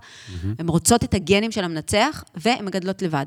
כן. שאני אומרת שהיום אנחנו חוזרים לשם, כן, בתרומת ו- זרע. ואגב, אה, כולל אצל הקופים אבותינו. כן, כן, כן, בטח, בטח, בטח. יש אחד, גיבון, שלאחרונה קראתי שהם מתגרשים. זה הרס לי את היצור היחידי בענף של קופי האדם, שבאמת מקיים pair bonding לכל החיים, אבל אז הראו שהם מתגרשים, בוגדים, קיצור, כמו כולם. גדול. אה, אבל אה, באמת, אה, אנחנו נעים על רצף, כי מצד אחד, אנחנו מאוד דומים לפוליגמים, כן? הזכרים והנקבות לא נראים אותו דבר אצלנו, זה בדרך כלל אצל פוליגמים. אה, לפוליגמים הזכרים יש איבר ענק, ולנו יש את האיבר הכי גדול והאשכים הכי גדולים בכדור הארץ, ביחס לגודל הגוף. זה לא מעיד על מונוגמיה. מונוגמים הכל קטן, קטן, קטן, כי אין תחרות זרע. לנו יש תחרות זרע big time. אה, יש לנו אפקט קולידג', זה האפקט שגורם לרוויה מינית. זאת אומרת, שאתה מראה לגבר, גם לאישה, את אותו סיגנל כל הזמן, כל הזמן, כל הזמן, הגירוי יורד. הריגוש יורד, זה ה... על זה מבוסס הפורנו. כל ההתקדמות של מדעי המחשב, הבנתי שהיא בזכות הפורנו, או בגלל שבעצם הצורך בקבצים, ותמונות, וסרטונים, והגירוי הוא מאוד מהיר, כאילו, הוא יורד מהר מאוד. כן. אה, אז יש לנו את האפקט הזה. למונוגמים אין את האפקט הזה. הזכר נכנס לדיכאון כשהנקבה לא לידו, הוא לא מסתכל ימינה-שמאלה, הוא לא יאכל עד שהיא לא חוזרת, גם אם היא מתה, הוא לא מחפש מישהי אחרת. וואו. לא קיים אצלנו, סורי. אז אנחנו יותר בין הפוליגמים למונוגמים הסדרתיים. זאת אומרת, שנשארים ביחד פר פרויקט, אה, כי רוב המונוגמים הם סדרתיים. זאת אומרת, הם, אה, כשהגוזלים עוזבים את הקן, הם נפרדים ומחפשים פרטנרים חדשים. כי המפתח מבחינת הגנים זה גיוון, לא לשים את הביצים בסל אחד. אין לך הרבה זמן לחיות. מה אתה שם את הביצים בסל אחד? בוא נפזר, בוא נגוון, אה, בוא נייצר בעצם שונות גנטית שהיא תהיה אה, שרידות מקסימלית לעתיד מבחינת הגנים. אני מנוהלת אז על מה ידי בני הגנים. אדם כאילו החליטו על הסיפור הזה של מונוגמיה עד גיל 120, אז זהו. ומאחלים את זה אחד לשני, בניגוד לגם הורמונים, גם גנים וגם אה, נוירונים. נוירונים? מה? כי באמת אנחנו רואים שהריגוש יורד, כן? אנחנו, כן. ללא ספק, יש לנו אפקט קוליג' מאוד חזק, שבעיניי הוא הבסיס להרבה מאוד מהפרידות. כי באמת, אה, ת- בת- בסך הכל אנשים יגידו הרבה פעמים, היא חברה שלי, אני אוהב אותה, אני אוהבת אותו, אני ממש אוהבת אותו, הוא אבא טוב, הוא בן אדם טוב, אה, טוב לי איתו, אבל אה, אין לי, אין לי ריגוש, אין לי דחף, אני לא מרגישה התלהבות בערב, כאילו... אה, אבל אם מדברים על מה שלימדת אותנו הרגע, אז זה לא באמת שהיא מחפשת את הריגוש, יש לה בפנים אה, אה, אלגוריתמים שמחפשים את הגיוון של הצאצאים שלה בכלל. כן, זה מה שאני ובמקרה מאחורי. משתמשים בהורמונים של ריגוש, ואנחנו יודעים להגיד, אני מחפש את הריגוש. נכון, נכון, נכון, נכון, אבל בעצם הגנים מחפשים לשמר את הגיוון, הרבה פעמים זה יקרה באמת, אה, אתה יודע, בסוף גיל הרבייה שלנו, נגיד 40, 50, רוב הגיר, הרבה מהגירושים הם בגילאים האלה. את יודעת מה מעניין אותי? כאילו, הזדמנות אחרונה, רגע- הזדמנות אחרונה. אז כשאני חושב רגע עוד פעם על החיות, אני מבין את הקטע עם. ה- דיברנו על שלושה חלקים. כן. אני מבין את החלק הראשון של המשיכה המינית. יש להם בכלל את החלק של התאהבות? אז עוד פעם, אז זה מתחבר, משתנה בין מונוגמים לפוליגמים. אה, אוקיי, בגלל משתנה- זה אנחנו בין למרות לבין. שגם הפוליגמים, רואים אריות, יש אה, גיפופים ומזמוזים בין הלביאה והאריה, אבל עם כמה לביאות, לא רק איתה. Mm. זאת אומרת, אה, הרמון, אבל גם אצלנו היה, היה מלכים שהיה להם אלף נשים, 1,500 נשים, גם האינקה, גם שלמה המלך, כאילו, הפריץ, תמיד היה להם אה, הרבה נקבות צעירות, ו- ו- והיה גיפופים ומזמוזים, והייתה התאהבות, גם כן. הייתה התאהבות. לפעמים הוא היה, היא רוצה אותו והוא רוצה אותה והכול, אבל כאילו, אני אומרת שה... אה, המיניות שלנו היא גם מאוד מגוונת. כאילו, אנחנו היצור הכי מיני על כדור הארץ. אנחנו עושים מין לא לשם רבייה בלבד, כן. אלא לשם חיזוק קשרים חברתיים, גיבוש, הרגעה. הסרוטונין שמופרש יוצר רגיעה של מערכת העצבים שלנו. אה, מין זה אחת הדרכים המצוינות, אנחנו נדבר על המרשם, מגע ומין, אורגזמות, שהמוח יחווה אורגזמות, לא משנה באיזה דרך, הריגוש ירד, אז באמת אני לא אראה את הבן זוג שלי אחרי 20 שנה ואגמור, כן? זה לא יקרה, אבל צריך להגיע לשם, אה, כי האורגזמה משחררת חומרים נפלאים במוח. נפלאים, שבעצם, אה, אה, בעיניי זה הפתרון לסטרס, כאילו, כי הסטרס וואו. יוגבר וואו. כשאנחנו לא נעשה אהבה, והוא מדכא דחף מיני. אז כאילו נוצר לנו מעגל אכזרי אה, של סטרס מדכא דחף מיני, דחף מיני מגביר סטרס, אה, אה, חוסר פעילות מינית מגביר סטרס, כי יש ירידה בסרוטונין. ספירלה למטה כזאת. ספירלה למטה, שהרבה אנשים חווים אותה, ואז לפעמים מגיעים לגיל המעבר, לא כל כך פעילים מינית, לא כולם כמובן, כן? אה, ואז זה גם, נגיד, מגביר תסמינים של גיל המעבר, כי אורגזמות זה ממש ממש חשוב למוח, מאוד מאוד חשוב למוח לחוות את החוויה הזאת. תחשבו, זו חוויה אה, מאוד עוצמתית, כן? זו רמה מאוד גבוהה של דופמין, רמה מאוד גבוהה של למה זה אגב ואוקסיטוצין. אבולוציונית? יש לזה הסבר מי אבולוציוני? יעשה סקס בלי אורגזמה? השתגעת? מה זה הדבר הזה? אתה יודע כמה, כמה השקעה? לא, אבל אצל כמה החיות. אנרגיה, נו כן, כמה אנרגיה, כמה השקעה, אם לא יהיה ים של הורמונים שיוצרים עונג, עונג בדחף, עונג בפרסוט, הבנתי. כאילו. מי יעשה את זה? זאת אומרת, זה אחת השאלות של האבולוציה, why הצאצאים- sex? לעשות את הצאצאים זה המטרה, אבל האמצעי הוא להבטיח לנו סמים טובים כאלה. בדיוק, פרץ כאילו, של ה- סמים בדיוק, טובים. החיה לא חושבת על זה שיהיה לי ילדים, כן. כאילו, אז בטח לא הזכר, גם לא הנקבה, אבל ה- ה- ה- התחושה שנוצרת, היא כן. זאת שדוחפת אותנו. כן. בגלל זה אמרת, הגנים נותנים לנו את המתנה הכי חזקה באורגזמה. העברתם לדור הבא, כי בטבע אין פוסטינור, אין גלולות. כל אינטראקציה מינית נגמרת ב... אז יש לנו את השלב של ההתקשרות. השלב של ההתקשרות מאופיין באוקסיטוצין, אה, שבעצם מייצר הרגעה של מערכת העצבים, אה, תחושות של ודאות, של שגרה, שאין איתם הרבה אירוטיקה, נכון? אם אני יודעת אה, בדיוק מה הבן זוג שלי יעשה, מה הוא יגיד, איך הוא ייגע בי, הכל ידוע לי כבר אחרי 10-15 שנה. אז בעצם אנחנו מאבדים מההורמונים של הריגוש וההתאהבות והפרפרים בבטן לטובת ההורמון החשוב ביותר, הוא היה נוכח גם בהתאהבות, הוא היה נוכח, הוא גם יצר את ההתקשרות, כן, שיצאנו לסרט, ואז להצגה, ואז עם חברים, ואז, כן. ואז הוא שאל, אותי- אמר לי כמה אני יפה כל הזמן, וכמה אני מדהימה, וזה יצר אוקסיטוצין, הוא ונקשרנו. משתחרר גם בחיבוק, נכון? חיבוק מספיק ארוך. נכון, חיבוק, נשיקה, כל צורה של מגע. זה הורמון האורגזמה, לידה והנקה. זאת אומרת, הוא מופרש, הוא יוצר מערכות יחסים. הוא הורמון המערכות יחסים מן הסתם. המחקר שאני הכי אוהב. בעולם על אוקסיטוצין, סליחה שאני אגואיסט, זה מ- יצא מישראל, מישהי לדעתי מרייכמן, על זה שגם גברים משתחרר אצלם אוקסיטוצין בלידה, אם הם היו מעורבים ב... כאילו, הם היו מאוד קרובים לאישה במהלך ההיריון. נכון, וגברים מפרישים רמה מאוד גבוהה של אוקסיטוצין בזמן הטיפול בצאצאים, זאת אומרת, אה, אה, בילדים. אה, אבא שטיפל במסירות בשלושת ילדיו, יש במוחו יותר נוירונים מפרישי אוקסיטוצין בצורה אפיגנטית, שינוי בביטוי של הנוירונים האלה במוח. אב מטפל שונה ממה שהוא היה רווק, יש לו ירידה בטסטוסטרון גם, ועלייה מאוד גדולה באוקסיטוצין לאישה, וזה מה שמתחבר למה שאמרת קודם, שנתנו משאפי אוקסיטוצין לגברים בזוגיות, ראו שבעצם, אה, ואז אה, בעצם יצרו איזה ניסוי שהם כאילו לא היו מודעים לזה, שנשים מתקרבות, נשים יפהפיות מתקרבות אליהם יותר מדי. כי לעורר את הטסטוסטרון והאסטרוגן, כן? כאילו, אישה יפה לידי, מה, כאילו, כאילו היא מראה עניין, ולראות האם יש הבדל בין הגברים שלקחו משאף ולא לקחו משאף, במידת ה... כמה קרוב הם מגיעים אליה, כאילו היא מתקרבת, והאם הם מתרחקים. פיזית? פיזית. אה, אוקיי. כי יש לנו דברים לא מודעים במוח שקורים, שאנחנו מעורים, מעורערים, אז אנחנו מתקרבים, נכון? Mm, אה, מראים עניין, אנחנו נהיים אה, חייכניים יותר, יש, אנחנו מכירים את הסיגנלים של פלירטוט, כן? אז הם בדקו האם גבר תחת אוקסיטוצין מפלטת, מגיב יותר יותר? לפלירטוט או פחות. אז פחות, זאת אומרת, האוקסיטוצין זה ה bonding הורמון, הוא מחזק את ה bond, וה bond הוא לאישה, וה bond הוא לאהובתי. אממ. אה, אז אה, אני בכלל ממליצה את המשאף הזה בכל מקום, לכולם. נכון, לא יהיו גירושים. זה גם אה, זה מוריד. אה, מוריד הרבה מאוד מתח בין אנשים, ויוצר, אה, חשבו לי להשתמש בזה במשא ומתן, ככה לשים, נכון. לפזר בחדר לפני משא ומתן, להוריד לחץ, להוריד חרדה, זה מוריד חרדה בעצם. וזה מאפשר לנו באמת אה, להיפתח ולהיקשר. אז יש לו כל כך הרבה בנפיט, כי אנחנו יודעים שאנשים שחיים בבדידות, אה, הם אה, באמת חולים יותר ופחות בריאים, ובמה שבדידות עושה נזק לגוף כמו 15 סיגריות ליום. אז אנחנו בעצם חיים במתח הזה, בין ההתקשרות, בין הצורך שלנו בחברות, באהבה, בייחוד כש...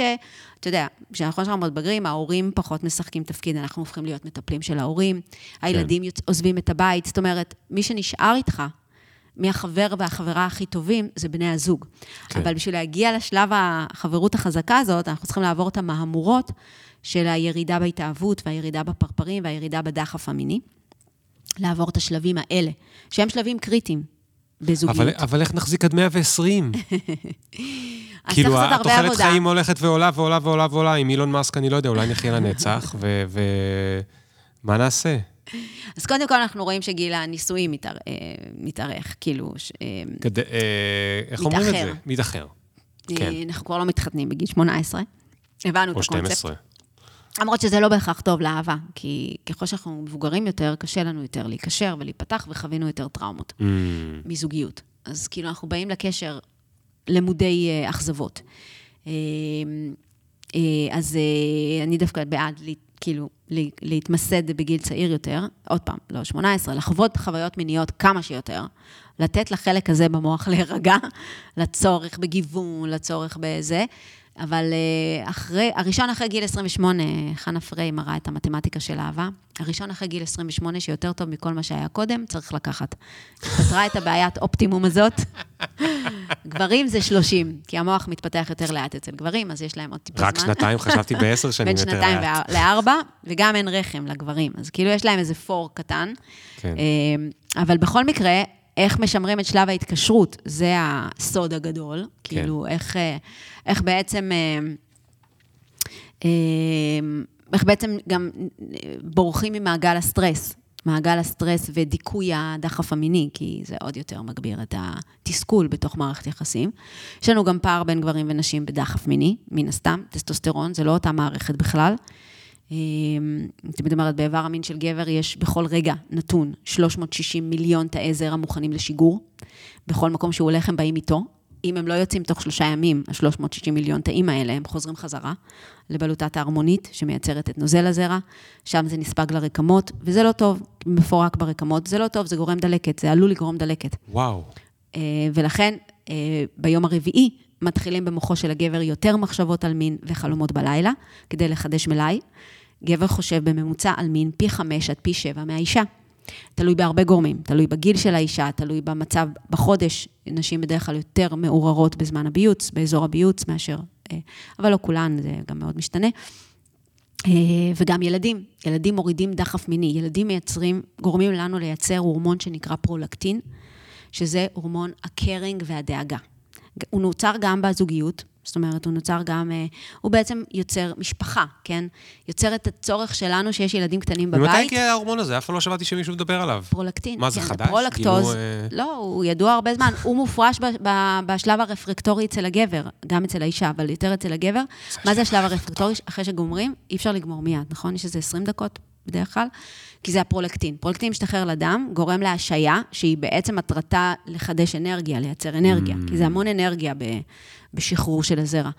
אה, אז שיהיה את השלב הזה, ורק אחרי 20 דקות הפרולקטין משתחרר. אה, ואז יש שוב, אה, זה השלב הרפרקטורי. עכשיו, תחשוב על זה, שיש לנו ילדים קטנים בבית, אנחנו בשלב רפרקטורי תמידי. כן. זאת אומרת, כל הזמן מוצפים בפרולקטין.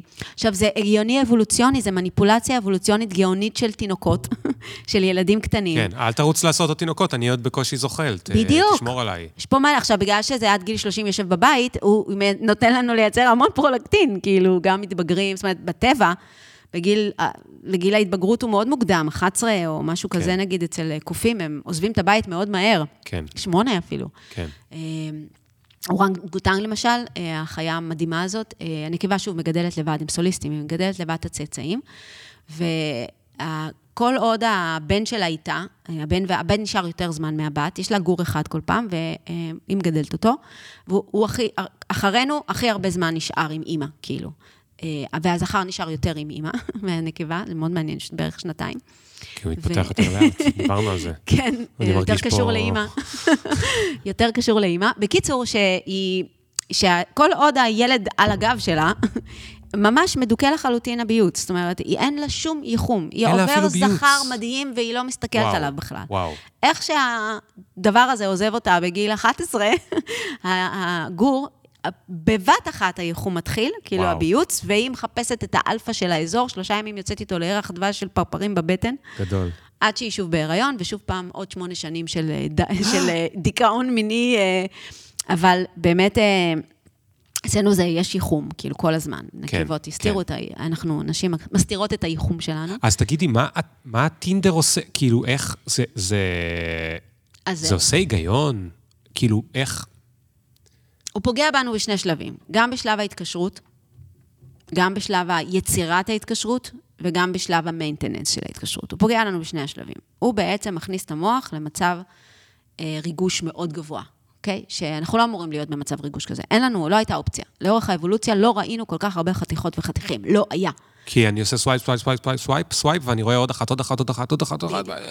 בטבע אין אוכל בכמויות שאנחנו מגורים, אה, רואים בוולט, כאילו באתרים סופר. של ה-תן ביס גם. אין כזה אופציות כאלה שהכל יפה והכל מדהים והכל זה. אתה מריח משהו טוב, יאללה, תיקח, ת, ת, תדעס. אתה רואה נקבה, תיקח. פעם ב- רואים איזה נקבה, כאילו, שהיא גם אה, לא איזה אלפא שומר עליה ולא נותן לה להתקרב. אז כאילו, כל הזדמנות, וגם היא לא בדיוק מגדלת תינוק. בדיוק, המוח בנוי לכל הזדמנות פשוט להתביית. אמ, אז הוא לא רגיל, לא, לא, לא נחשפנו מעולם, והאלגוריתם אומר, once נחשפת, תישאב לזה, כאילו, לא לעזוב, לא לעזוב. עכשיו, אז הגירוי הוא מאוד חזק, זאת אומרת, אלפי תמונות, אלפי אופציות לבחורות, לבחורים, כאילו, זה מאוד מבלבל. המוח רוצה שפע, כאילו, אנחנו, אבל לא יודעים לבחור, כי בעצם... גם אין לנו מספיק נתונים לבחירה, וזה גם מאוד מעמיס על המוח בסופו של דבר. אנחנו אמורים לבחור בין מספר מאוד מועט של אופציות, כי זה כן. מה שהיה לאורך כן. האבולוציה. אין לנו את המנגנונים שיכולים להתמודד עם כמות מידע כזאת מטורפת. אין לנו את זה. המידע בעיקר הוא צריך להיות רגשי. נגיד אם אני אשב בחדר ויהיו פה שלושה גברים, או לא משנה, נשים. אני אנהל איזו שיחה, ואני ארגיש קצת בבטן איזושהי כימיה עם בן אדם מסוים. וזהו, כן. ככה אני מחליטה, גמרנו, כן. נגמר הסיפור. נתתי לבטן, נתתי ללב להחליט, במרכאות. אה, אבל בעצם נוצר קליק, אנשים הסתכלו בעיניים, עצב הווגוס מופעל, ואתה מרגיש עם הבן אדם הזה ממש נינוח לי, ממש נעים לי. ואני אומרת, אוקיי, טוב, בוא ניפגש שוב, אוקיי? אבל שיש לך אלף תמונות שגם אין לך מידע רגשי, המוח לא בנוי רק למידע ויזואלי. אנחנו מחליטים mm. על סמך אינטראקציה, על סמך אוקסיטוצין. אה, בן אדם מצחיק, בן אדם מעניין, בן אדם ששואל אותי מה שלומך, איך עבר עלייך היום. יגרום לי ליותר אה, רצון אה, לדבר איתו, מאשר בן אדם שעכשיו שעה שלמה מדבר רק על עצמו, נכון? כאילו, אפילו שהוא יפה וחתיך וגדול. בסוף יש מכלול של מידע רגשי בעיקר, שגורם לנו לקבל החלטה מסוימת, ובדרך כלל היא תהיה החלטה הכי טובה בהינתן הגורמים שהיו ב... כן. בדרך כלל, כן. לא תמיד. אבל כאן אנחנו גם מוצפים בגירויים שהם בעיקר ויזואליים, והם בעיקר מעוררי פנטזיות. זאת אומרת, זה כאילו סרט פורנו אחד גדול, נכון? Mm. כאילו מבחינת, כי זה גופות. זה אנשים שמציגים לראווה את הפוטנציאל הרבייתי הכי טוב שלהם, כן? אה, הכי יפים, הכי חתיכים, הכי זה, הכי, הכי הכל. ואז בעצם, אז אנחנו... ויש פה עוד נקודה, אם יורשה לי, כן. ואני לא יודע אם זה נכון, אבל אני, אני משער, שכשהייתי באותו יער, כשעוד הייתי קוף, אז בשבט שלי יש עכשיו 20 אה, חברים, ומתוכם שמונה נשים נגיד. כמה פנויות? ושלוש פנויות, וזהו, זאת אומרת, אני מתעניין באחת מהם, וזהו, והמוח שלי יודע לא לחפש. אני לא אחכה שהשבט שלנו יתאחד עם שבט אחר, שזה כנראה לא, קורה כן. פעם במאה אלף שנה, אם בכלל. ומי אמר שאתה תקבל את הנקיבות כן. הטובות? אז אני, יש לי פה שלוש, ואני באמת, באמת, באמת חרמן ומוכן לאהבה עם אחת מהן. אבל בעולם הדיגיטלי, אין סוף. אין סוף. וזה גם, אה, זה מאוד נכון מה שאמרת, כי בסופו של דבר אנחנו, שוב, יצור חברתי, קהילתי, משפחתי. זאת אומרת, אם אימא שלך אומרת, תראה, הבת של השכן הזה היא נהדרת, היא בחורה טובה, כמו שאמרנו, הבילדאפ. אישה מקסימה, מוצלחת, חכמה מאוד. עשה לך בילדאפ בראש, כי אתה יצור קהילתי, ואימא אוהבת אותה. אנחנו יודעים מה קורה לזוגות מעורבים, לפעמים שהמשפחה לא מקבלת את הצד השני. זה לא מחזיק, נקודה, כאילו ספוילר. זוגות אה, שמאוד שונים והמשפחות לא מקבלות, לאורך זמן זה בסוף פוגע. אז אנחנו בעצם יצור קהילתי, אנחנו צריכים גם שהקהילה איכשהו תגיד לי, אה, זאת בשבילך, או mm. שלושת אלה בשבילך, כן? כאילו, יש להם איזשהו approval של, ה, של הקהילה שלך. זה מאוד חשוב לנו, אנחנו ייצור קהילתי, אנחנו, גם הילדים, זה טוב לשרידות של הילדים. אם המשפחה תנדה אותך, זה לא טוב לצאצאים, בכלל. הצאצאים לא חיים רק בזכות ההורים, הם צריכים גם כן. את כל השבט. כן. צריך כפר שלם לגדל ילד, וצריך שהכפר הזה יאהב את השידוך הזה. אז אנחנו יצור uh, קהילתי. עכשיו, פה אתה מביא לי uh, בחורים, או אנשים, או דמויות, שהן לא מקושרות לשום מעגל חברתי. נכון? אממ. הדבר הראשון שאנחנו עושים זה איפה שירתת, מכיר את ההוא, מכיר את ההיא, למצוא מעגל. בוא נמצא מעגל אחד שאני אוכל, המוח שלי יוכל לשים אותך בקטגוריה בתוך מעגל חברתי. כן, כן. בגלל זה המחקרים מראים שזוגות, ש... גם זוגות שהכירו offline ו online, יש, אה, אה, זה, אה, פול ארדיטי עושה אה, אה, המון מחקרים על ה, אה, באנגליה, על, אה, על היכרויות אה, ב online וב offline, והיא באמת רואה שאיכות הקשר שונה. זאת אומרת, אנשים שהכירו דרך מעגלים חברתיים ומחוץ ל, לרשת, גם הסיכוי להתגרש יותר נמוך, הסיכוי להתחתן יותר גבוה. זאת אומרת, הסיכוי שהקשר יצלח את השנה הראשונה, שהיא הכי מורכבת, הוא יותר גבוה. איכות הקשר טובה יותר, וגם הסיכוי שהאם הקשר ייגמר בטקסט, כאילו, ב on, אם הוא התחיל אונליין, יש יותר סיכוי שהוא ייגמר אונליין. אה, וואו. כן, בהודעה או תשמעי, זה לא מתאים. אה, מאשר, כי עוד פעם, אנחנו יצור קהילתי. אם, אם הבן אדם עכשיו מקושר לכל החבר'ה שלי, זה, אני אתייחס על זה אחרת, כן? אני לא, עכשיו ידברו עליי כל הזמן איזה מגעילה אני, איך אני מתייחס okay, אוקיי, לאנשים. אוקיי. Okay. אז אנחנו כל הזמן שמים בחשבון את החברה, כל הזמן, ולכן אנשים שהכירו דרך מעגלים, יש שם איזשהו גם, אה, לא ברור למה, אבל זה באמת, אה, רואים את זה כאילו מחקרית. אז זה גם הרבה גירויים, וזה גם גירויים לא קשורים לקהילה שלי. זאת אומרת, כן. אה, יכול להיות עכשיו אני אפגוש מישהו באמת שאין שום קשר, אין שום דבר מחבר בינינו.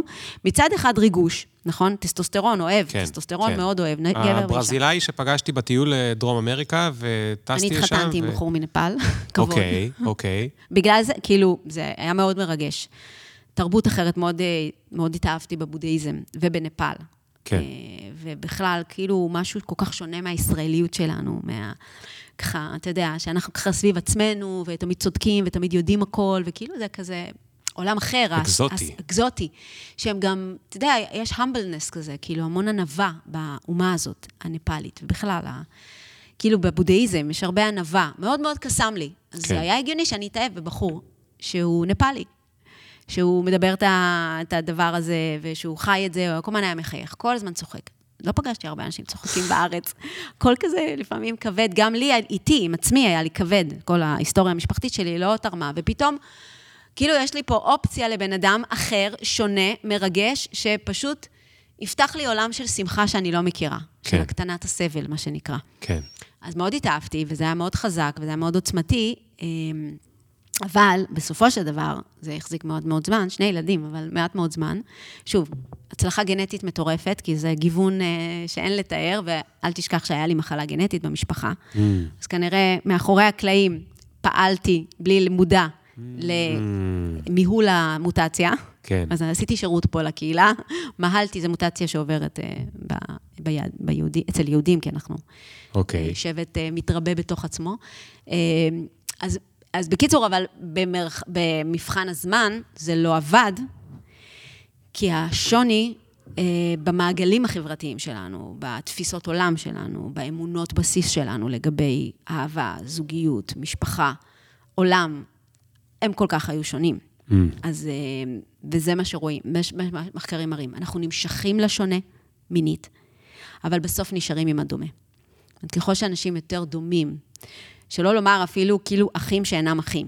זאת אומרת, וואו. מישהי שהיא כמו אחותך, אבל היא לא אחותך, כי זה לא טוב, אלא היא, שונה, היא גנטית אחרת, אבל יש משהו מאוד... אה, או הרבה פעמים אומרים, אה, בסוף אתה יוצא עם אימא שלך. בדיוק, כן. זה גם, זה באמת, אה, תראה, זו האהבה הראשונה שלנו. זה הבן אדם שבאופן עקרוני, במצב בריא, אימא או אבא, תמיד יש אחד מהם. גם אם אחד הוא לא כל כך מתפקד, השני לוקח את האחריות. יש אדם בחיים שלנו שפשוט יכל, היה לו סבלנות לכל השטויות שלנו, אה, ידע להרגיע אותנו, אה, היה שם תמיד בשבילנו. זו אהבה מאוד מאוד חזקה. לכן האהבה ההורית מטביעה במוחנו את ה image של אהבה. מה זאת אהבה בכלל? אה, ולכן לפעמים כשאנחנו פוגשים אנשים שיש להם מאפיינים, חיצוניים או פנימיים, כאילו, מאפייני אופי, שדומים לאדם שאהבנו, מהמין השני, או מאותו מין, תלוי בה, אה, זה יוצר אצלנו קליק, זה יוצר אצלנו תחושה של כימיה. אה, אנחנו לא נדע להגיד במודע, וואי, זה- הוא בדיוק כמו דוד שלי שכל כך אהבתי. לא נדע להגיד את כן. זה. אה, אבל לפעמים אנשים מבחוץ יגידו, יואו, תראה איך היא דומה לאחותך. כן. אז תגידי, מה את היום, having said all that, כן.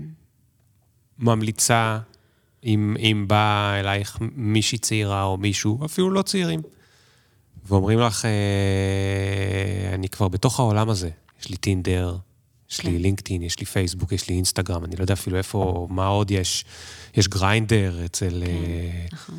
אה, יש כל מיני כאלה. אה, אוקיי, אז את- יכולה להגיד להם להתרחק מזה, אבל, אבל כנראה שהם לא יתרחקו. יש עוד משהו להגיד בנושא? יש עוד כן. משהו כאילו ל... קודם כל, אני אגיד לשמור על המוח, קודם כל. כי להבין שככל שאנחנו עושים יותר סווייפים, אה, אחד, זה, זה לא למצוא אהבה, זה לפעמים כדי אה, לדעת כמה אני מושכת, כן? אה, טינדר הגבילו את כמות הסווייפים שאפשר ל-120, הם קראו להם נרקסיסטים חסרי תקנה או משהו כזה, יש להם איזה מונח סתם, לא בדיוק המונח הזה, אבל שבעצם נכנסים כדי לבדוק אם עשו להם לייק, זה הכל. זאת אומרת, אם, אם מישהו רוצה אותם. שגם המוח שלנו בנוי לזה, כל הזמן לחפש אה, אישורים שאני מוצלחת. כל, ה, כל הרשתות עובדות על זה. כן. אז להבין שבאמת אה, יש פה ניצול של חו- החולשות הכי חזקות של המוח האנושי. צורך שלנו בגירוי, כאילו גם גירוי מיני. אני משווה את זה ממש לאפליקציות של אוכל, נכון? כיף, לי- כיף לדפדף באוכל, נכון? כיף, כיף, המוח מת על זה, כי הוא לא היה רגיל, אז וואי, איזה דברים מדהימים יש, אני לא אוכל כלום מזה. בסוף אני אעשה חביתה, אבל כיף לראות, כיף לראות מאסטר שף, כיף, כיף, כיף, כיף, כיף לראות אוכל. אז אותו דבר כיף לראות אה, אה, אה, גירויים מיניים מאוד חזקים עבור המוח שלנו. בעצם השפע, שאני רואה, וואי, כמה אופציות יש. אבל בסוף אני אשאר לבד. אז להבין שזה גם מגביר את התסכול, את הייאוש, את הביקורתיות.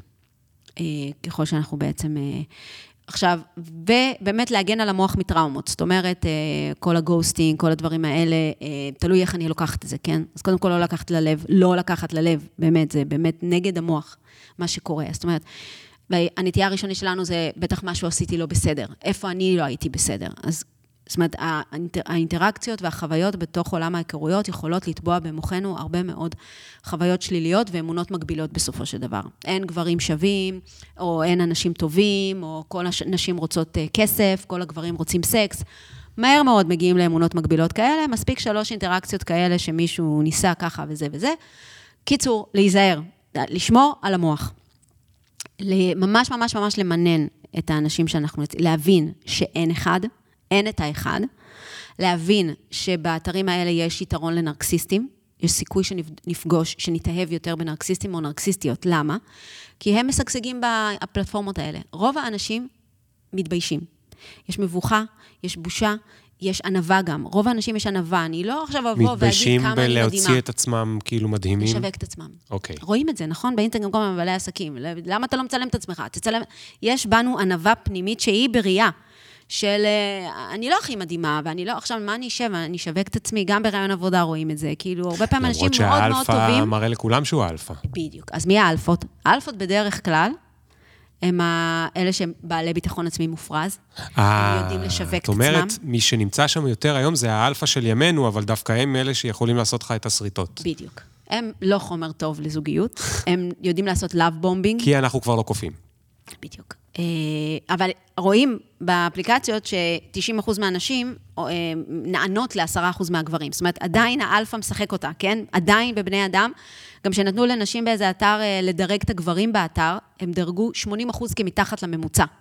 עדיין, נשים, יש בנו איזה משהו טבוע של, יש אלפא ויש את כל השאר.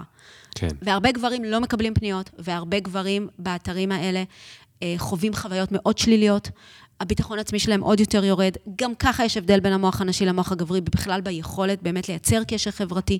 אז מספיק שהוא לא כל כך יודע לבטא את עצמו, או לא כל כך להגיד את המילים שהיא בעצם מחפשת, או מילה אחת שהוא אמר לא במקום, היא כבר מתייגת אותו ככה וככה, וגם הפוך. זה גם קורה הפוך, אבל נשים מאוד ביקורתיות, כאילו, בטבע, בררניות. הן עושות את הברירה, כי הן נושאות בנטל בסוף, של כן. כל הסיפור הזה, אז הן מאוד בררניות.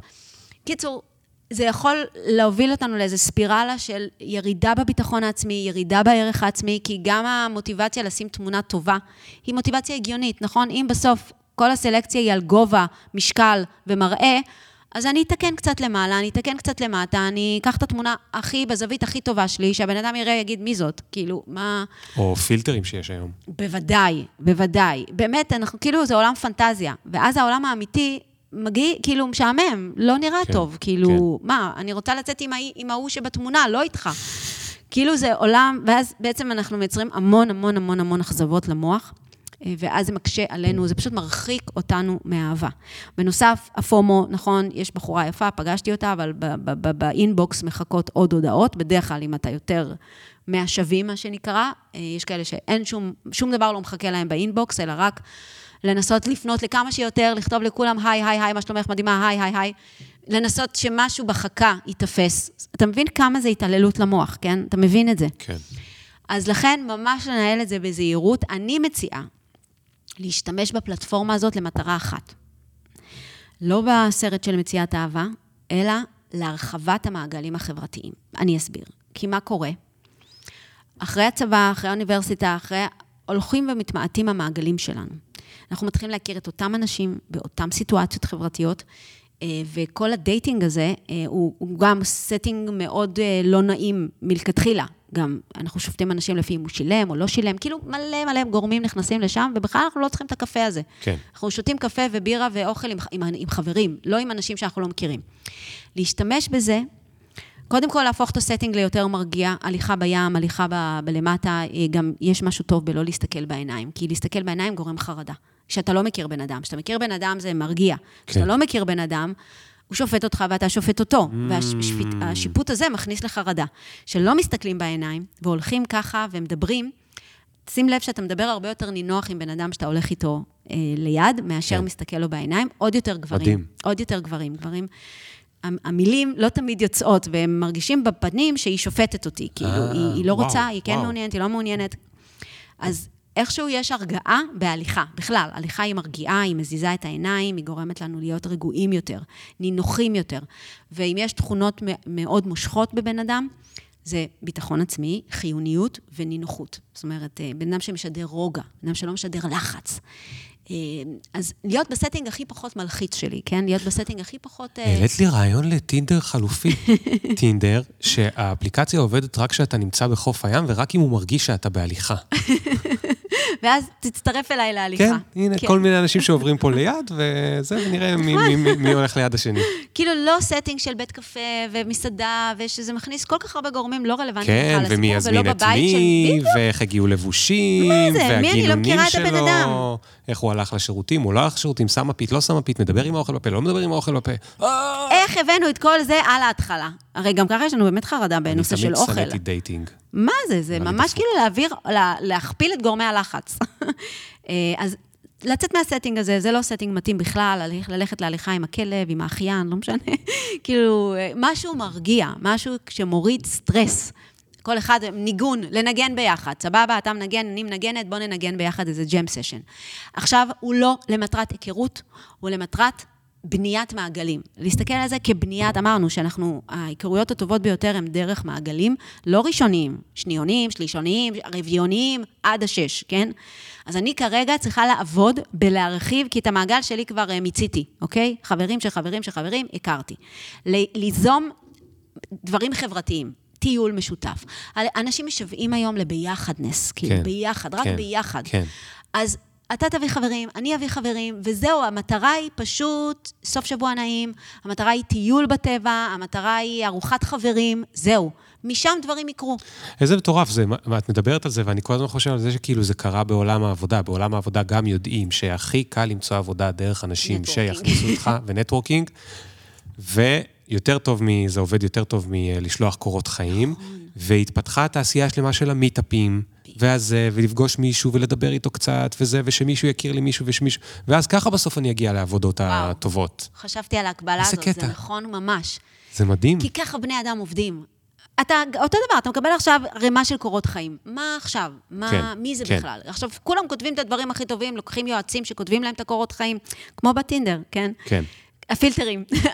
צריך ל- ל- ל- לראות, להכיר. עכשיו, אנחנו יודעים שהסיכוי שלי, אה, אני גם במקרה, כאילו, החבר, הבן זוג המדהים שלי הוא חבר של חבר. כאילו, הכרתי מישהו דרך אתר, יצאנו, זה לא הלך, אבל ממש ממש היה כימיה. עכשיו, לא קל למצוא כימיה בגיל, אה, בגיל, כאילו, אני מדברת כאילו אני בת אה, זה, אבל אתה יודע, כבר אין צבא, כבר אין אוניברסיטה, כבר אין, גם בעבודה, אני עובדת עצמאית, גם כן. במעבדה. מי יש במעבדה? עכברים. כן, זה לא...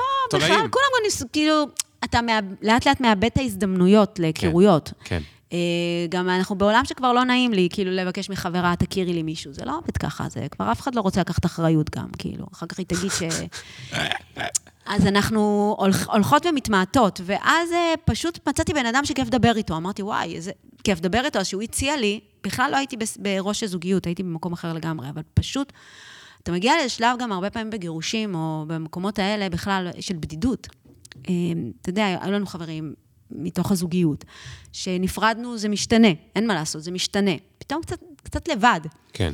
זה שתהיה, בוא נביא חברים, זה קצת חוזר לתיכון כזה, יא, בוא נצא עם חבר'ה חדשים, אני לא מכירה, וזה, הוא יביא חברים, אני אביא חברה.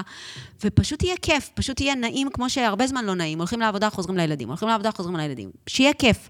מתוך הכיף הזה, הכרתי אותו, אה, עכשיו זה הרבה קורה, כן? שמכירים חברים של חברים, פשוט כי אתה אוהב את החבר, נכון? אתה כן. אוהב את הבן אדם, אז כן. מן הסתם, אנחנו בוחרים אנשים דומים לנו גם בחברויות. אז יש סיכוי מאוד אז סביר. יכול להיות שיהיו לו גם חברים סבבה, מה שנקרא. ובאמת היה לו חבר סבבה, וכשהכרתי אותו לחברה הכי טובה שלי, הם כאילו היה ביניהם קליק כזה של חברות. מההתחלה אמרתי, וואו, זה דבר כזה עוד לא קרה לי. שכאילו, בן אדם גם ישר מת, מת, מתמזג עם המעגל החברתי שלי. כאילו, it's meant to be. כי שוב, אנחנו יצור חברתי. זאת אומרת, אם החברים שלך לא אוהבים את החברה, כן. זה עושה משהו, זה צריך כאילו... יותר מאמץ. צריך יותר מאמץ, אתה אומר, רגע, מה קרה? אז אהבתי מאוד, אז את אומרת, ת. תנצלו את העולם הדיגיטלי כדי להשתמש בטכניקות של פעם. בדיוק. וגם מאוד. נושא של ערכים. יש, אנחנו מק- מ- מ- יודעים שאנשים שיש להם ערכים דומים, מאוד מסתדרים, מה לעשות? ככה זה אנחנו. אה, אז גם פוליטיקה, זאת אומרת, הסיכוי שימני כן. ושמאלנית היום בכלל, כאילו... אנחנו אוהבים את עצמנו בסוף, אנחנו אוהבים את הדומה.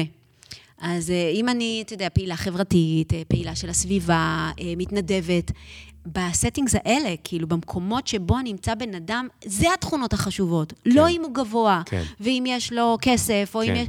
אלא בסוף זה מה שמחזיק את ה-40 שנה נשואים. אני אגיד לך מה הכי מצחיק אצלנו, אה, לא אכפת לי לדבר על אשתי, כי היא לא מקשיבה לפודקאסט. אה, היי נוגה, אני יודע שאת לא מקשיבה, אז אה, ביי.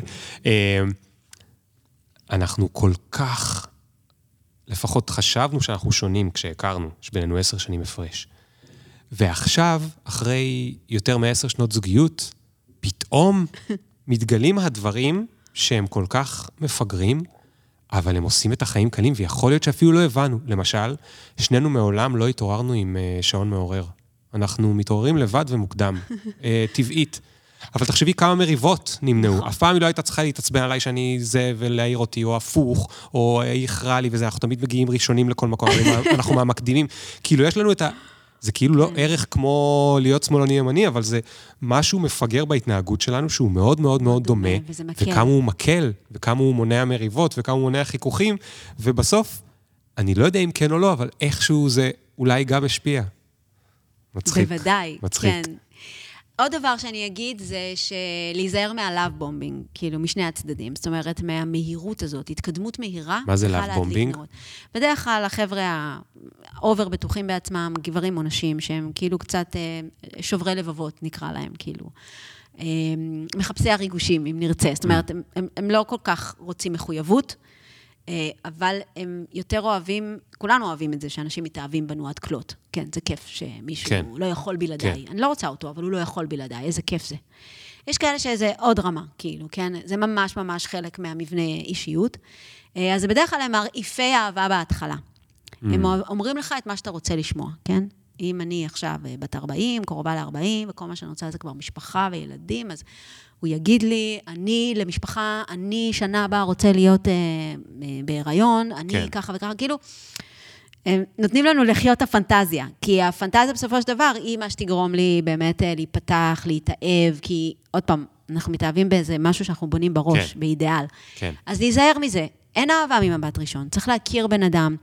אה, לא ללכת שבי, כי הרבה פעמים אחרי שאנחנו הרבה זמן לבד, אנחנו ממש הולכים שבי אחרי ה...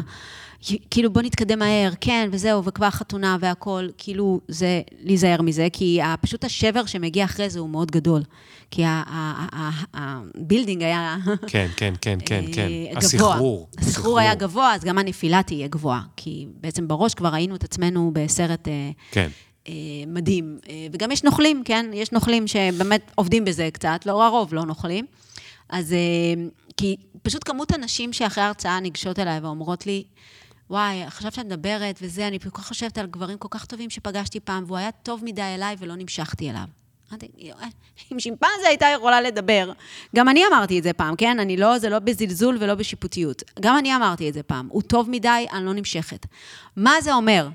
זה אומר שהנקבה העתיקה הזאת, באלגוריתם שלי במוח, מחפשת את המניאק. כאילו. שהנקבה העתיקה דפקה את הבן אדם המודרני שעכשיו חי. שאני צריכה אהבה, כן. אני צריכה רוגע, אני צריכה בן אדם שיהיה טוב אליי, בן כן. אדם שידע מה אני צריכה לפני שאני צריכה. בן אדם שבאמת יוריד את הירח, אני אוריד בשבילו והוא יוריד בשבילי, כן? אבל לא הבן אדם שיתנהג אליי לא יפה, שיעשה לי לילות אה, מלאי בכי בלילה. שזה אה, יישאר אצל השימפנזים. כן, היא רוצה שיבוא אותו, ויזרוק. את זה שאתה יודע, כאילו, מתייחס אליה באגרסיביות. אין, כשמסתכלים על סקס בעולם החי, זה לא מראה יפה. כן, אני רואה לא בנטפליקס יפה. כל הזמן, יש עכשיו סדרות מהממות, וזה באמת... מאוד אלים. What's going on? מאוד אלים, אה, אבזה. האלפא- האלפא, מסתובב שם בזה של ה... אה, לא גורילות, אה, אולי זה אורנגאוטן. הוא מסתובב אוי, שם, הוא אין, כן. מפחיד את כולם, והנשים תופסות את הילדים שלהם והן מתחבאות מאחורי עצים, כי הוא עכשיו עושה כאילו, עף, מעיף את כל הענפים כדי להראות לכולם שהוא חזק, מתות מפחד ממנו, ואז שנייה אחרי זה, כאילו, הן הולכות איתו מאחורי השיח, ואני כאילו, מה? בול. מה? זה מזכיר לי את ההיא בתיכון, שאמרה לי כאילו, אבל יש לו אופנוע, ו- ואתה בצופים. הייתי באיזו הרצאה שמישהי אה, לא משנה, חנינות של לאסירים. כן. והיא דיברה איתי, רצתה להבין, אחרי הרצאה היא אמרת לי, אני לא מצליחה להבין נשים שמתאהבות באסירים, הם כבר בכלא. היא אומרת, אני מדברת איתך על מישהו שרצח את הבת זוג שלו כשהוא היה בן 18. הוא יושב מאסר עולם, היא מאוהבת בו עד כלות. איך, והיא אומרת, נשים מן השורה. כן. איך נשים מתאהבות ברמה הזאת של... זה בתוכנו. זהו, אז אתה יודע, כן. אז אווזה, מבייצת, רק אם הוא נושך לה בצוואר. כאילו, הוא צריך לעלות עליה, אם הוא לא נושך, לא יוצאת ביצית. וואו. אלימות בעולם החי, מה שנקרא, וואו. כאילו, אלימות ורבייה. אז, אה, אז אני אומרת, רגע, אנחנו שימפנזות או לא? בואי נתעלם מעל זה. אז אני אומרת, אבל איך אני מיישבת את הבעיה הזאת? כי אני כן. לא נמשכת.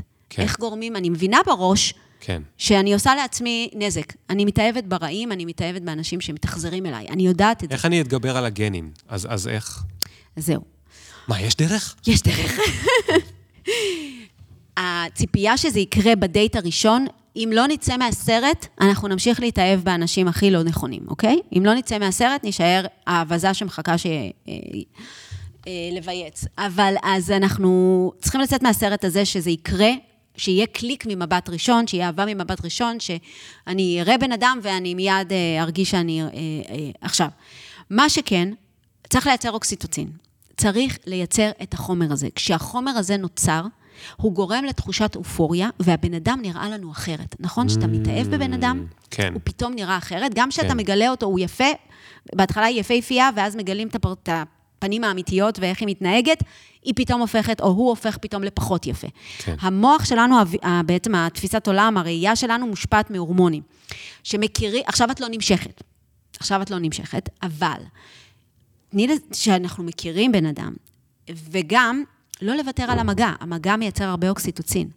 אז בגלל זה אני תמיד אומרת, הסקס בהתחלה הוא, הוא ממש גרוע למוח, כי הוא באמת גורם לעלייה מאוד גדולה של טסטוסטרון, שלמחרת יש ירידה מאוד גדולה, ואז כבר מאבדים עניין. אז מגע ולא מין, כאילו לא mm. אורגזמות וחדירות, אלא יותר לעבוד על ה bonding. כן. וה bonding יכול להיות... זה מחיבוקים. להחזיק ידיים, להתחבק, פשוט לשבת יום שלם, מסתכל בעיניים, ערב שלם, מסתכל בעיניים. אתה יודע, כוח יש לעיניים, מטורף, עם קצת איזה כוס יין כזה. משהו, setting מאוד מרגיע, מאוד גורם לביטחון, אה, שיחות. זאת אומרת, להתחיל לייצר ולהתחיל לאהוב את המגע של הבן אדם, כן? וברגע שהגוף ירגיש נינוח, אז המשיכה היא לא תהיה המשיכה החייתית של הטסטוסטרון. של יאללה, בואו נוריד לו את הבגדים. לא. זו תהיה משיכה אחרת, היא תגיע. עוד פעם, לפעמים לא, ואם לא, אז לא, כן? לפעמים אנשים אומרות לי, יצאתי לעוד דייט ועוד דייט ועוד דייט, וזה לא. אם זה לא, זה לא, בסדר? אבל אם יש איכויות באדם, בגבר או באישה, אה, שוב, לא ללכת שולל אחרי ה... אה, עשה לי את זה או לא עשה לי את זה. כי עשה לי את זה, לא תמיד יהיה מי שבאמת טוב לנו לאורך זמן, והתקשרות לאורך זמן, התכונות החשובות שבה. הם לא גובה ולא איברים, אלא רק אה, יכולת אמיתית של לתת אמפתיה. ביטחון. ולתת ביטחון, ו, אה, ולתת אה, בעצם הרגעה. זאת אומרת, היכולת של בן אדם לעזור לך לווסת את עצמך. כי בעצם מה אנחנו מחפשים? אנחנו מחפשים מישהו שיעזור לנו להירגע. כן. יש לנו חלק בבוני, שכשאנחנו בסטרס, אנחנו מוציאים את זה על אחר. ואנחנו צריכים להוציא את זה על מישהו. אז זה קצת חלק מהחוזה הזוגי. שאני overwhelmed, אני אוציא עליך עצבים. ואני אוציא עלייך עצבים. לא להיות שק חבטות, כן, זה לא, אבל כאילו זה חלק מזה שטוב, אני יודע שהיה לך יום קשה, ואני יודע שאת לא מתכוונת למה שאת אומרת, ובואי, בואי נתחבק, ובואי נירגע, וניתן לך לשחרר, ואת תתני לי לשחרר, ולא ניקח את זה קשה, כמו שאימא לי, אני אימא לי מתבגרת. כן, או, זה צריך המון הכלה. אבל זאת התחושה הזאת שאנחנו כל החיים היא תחפש. כן. מישהו שיכיל את זה שלא לא כיף לה עכשיו בבגרויות, ולא כיף לה עכשיו להתגייס ולא לדעת לאן היא הולכת, והיא בחוסר ודאות, ואין מישהו בעולם... ועדיין תאהבי אותה. זהו, ואני שם. ואם היא צורחת, הכל טוב, הכל טוב. זה אוקסיטוצין. הוא חומר מדהים, הוא מחזיק לכל החיים. אבל צריך לשמר אותו. עכשיו, מה נעשה עם המין? כי בהורות אין מין, במשפחה, אבל בזוגיות זה חלק מאוד מאוד חשוב. אז מה עושים? איך מייצרים פרפרים בבטן? קודם כל, ההבנה שזה פרפרים מסוג אחר. פרפרים שבאים, פרפרים שהולכים, יש תקופות כאלה, יש תקופות כאלה. אה, ופשוט, אה, באמת, אה, קודם כל, fake it till you make it. אם נחכה לדחף, הוא לא יגיע. אל תגידו לדחף, תביאו את הדחף. איך מביאים את הדחף?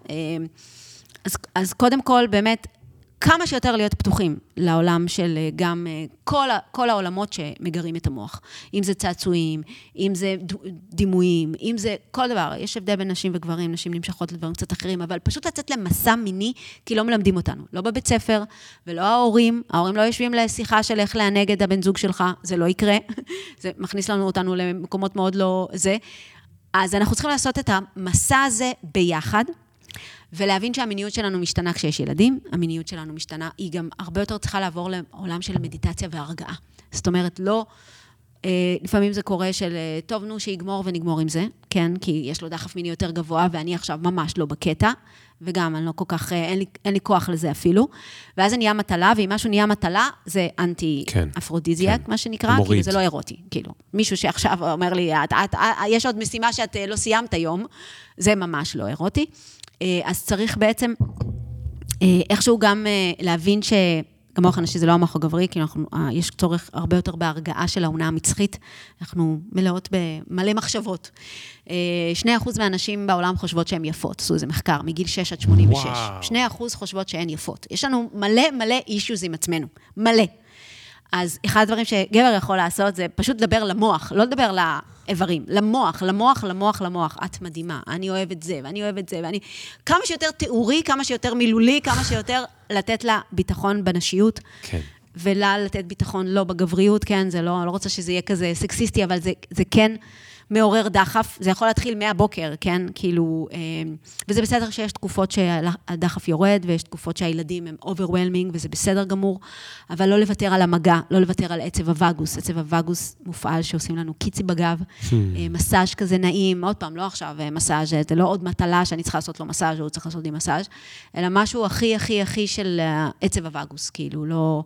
אמ, ובאמת אה, לעבוד יותר על, גם על, ה, על, ה, שוב, על ה, להחזיר את הקשר הרגשי, להחזיר את הקשר ה... מה עובר עלייך? אה, אנשים, אנחנו, אנחנו חושבים שאנחנו מכירים את הבן זוג שלנו, אבל הוא משתנה כל הזמן, והוא עובר דברים, והיא עוברת דברים, וברגע שבן אדם אכפת לו ממני, והוא אומר, איך אני יכול, הרי, הרי המנבא החזק ביותר להצלחה בזוגיות, זה שביעות הרצון של האדם מהחיים שלו. זה לא קשור לבן זוג. מהחיים של עצמו. מהחיים של עצמו. המתנה הכי טובה שאתה יכול לתת לבת זוג שלך, זה לעזור לה להיות שבעת רצון יותר מהחיים שלה. זאת אומרת, אם היא לא נותנת לעצמה את הזמן עם חברות, אם היא לא נותנת לעצמה, אה, היא מרגישה רגשות אשמה אם היא, אם היא יוצאת לחופשה לבד, אז המקום שלי, אני לא אחראית לאושר שלו, כן? אתה לא אחראי לאושר שלה, אבל הדבר שהכי טוב יהיה לנו זוגיות שלנו, זה איך אני עוזר לה, או איך אני עוזרת לו, להיות שבע רצון יותר מהקריירה שלו, מהעולם שלו, מהחיים שלו, כי הזוגיות לא מחזיקה את הכל, מהחיים החברתיים, מהחיים, אה, מחיי הקריירה. יכול להיות שאני אדחוף אותה לשינוי קריירה. יכול להיות שאני, אתה יודע, היא צריכה איזה כן, חיזוק, היא צריכה כן. את המקום של, אני פה, אני פה אחורייך. דברים כאלה, אנחנו לא מקשרים אותם למיניות, אבל הם מיניות. כי, כי ברגע שטוב לי עם עצמי, וטוב לי בחיים, ואני לא בסטרס, אז, אז, אה, אז הדחף יעלה, כאילו, הרצון שלי וגם ההיקשרות ביחד. זה כאילו נותן כל כך הרבה דברים בבת אחת. מדהים, מדהים, מדהים, מדהים, מדהים. ליאת, אנחנו חייבים לסיים, לצערי, וואו. Oh my God, oh אנחנו עברנו את השעה וחצי. וואו, וואו. זה עבר לי מאוד מאוד מהר. זה היה מדהים. אה, למדתי המון. אני, אני שמחתי מאוד, אני, גם אני. אני, אני כל כך באמת מאחל שהדבר הכי חזק שניקח מפה, זה מי שכן מחפש זוגיות, וכולנו חיפשנו, מחפשים, נחפש, או אפילו מחפשים את הזוגיות של עצמנו, או נכון. איך לחזק אותה. אה, נצליח להבין את מה שהעולם החדש והדיגיטלי עושה לנו, ואיך הוא משחק לנו בכל מיני דברים, ואיך אפשר לקחת אותו לטובתנו, ולהשתמש בנו ב... ב לטובתנו. תודה רבה רבה רבה. תודה, על כל, ה... על כל הידע שלך. זה היה מאוד מאוד כיף, ו... ופרק מאוד מאוד שונה בפופקורן, זה כיף. אני, אני אעשה עוד כאלו. אז uh, תודה ליאת. תודה ו... רבה ליאור. ביי לכולם, נתראה בפעם הבאה. אהבה זה דבר יפה. אהבה זה דבר יפה. אהבה זה דבר יפה. ואנחנו שכחנו את זה. אהבה זה דבר פשוט. אהבה זה דבר פשוט. אהבה זה פשוט מבלבל. כבר היה לי אותה, היא הפכה ל...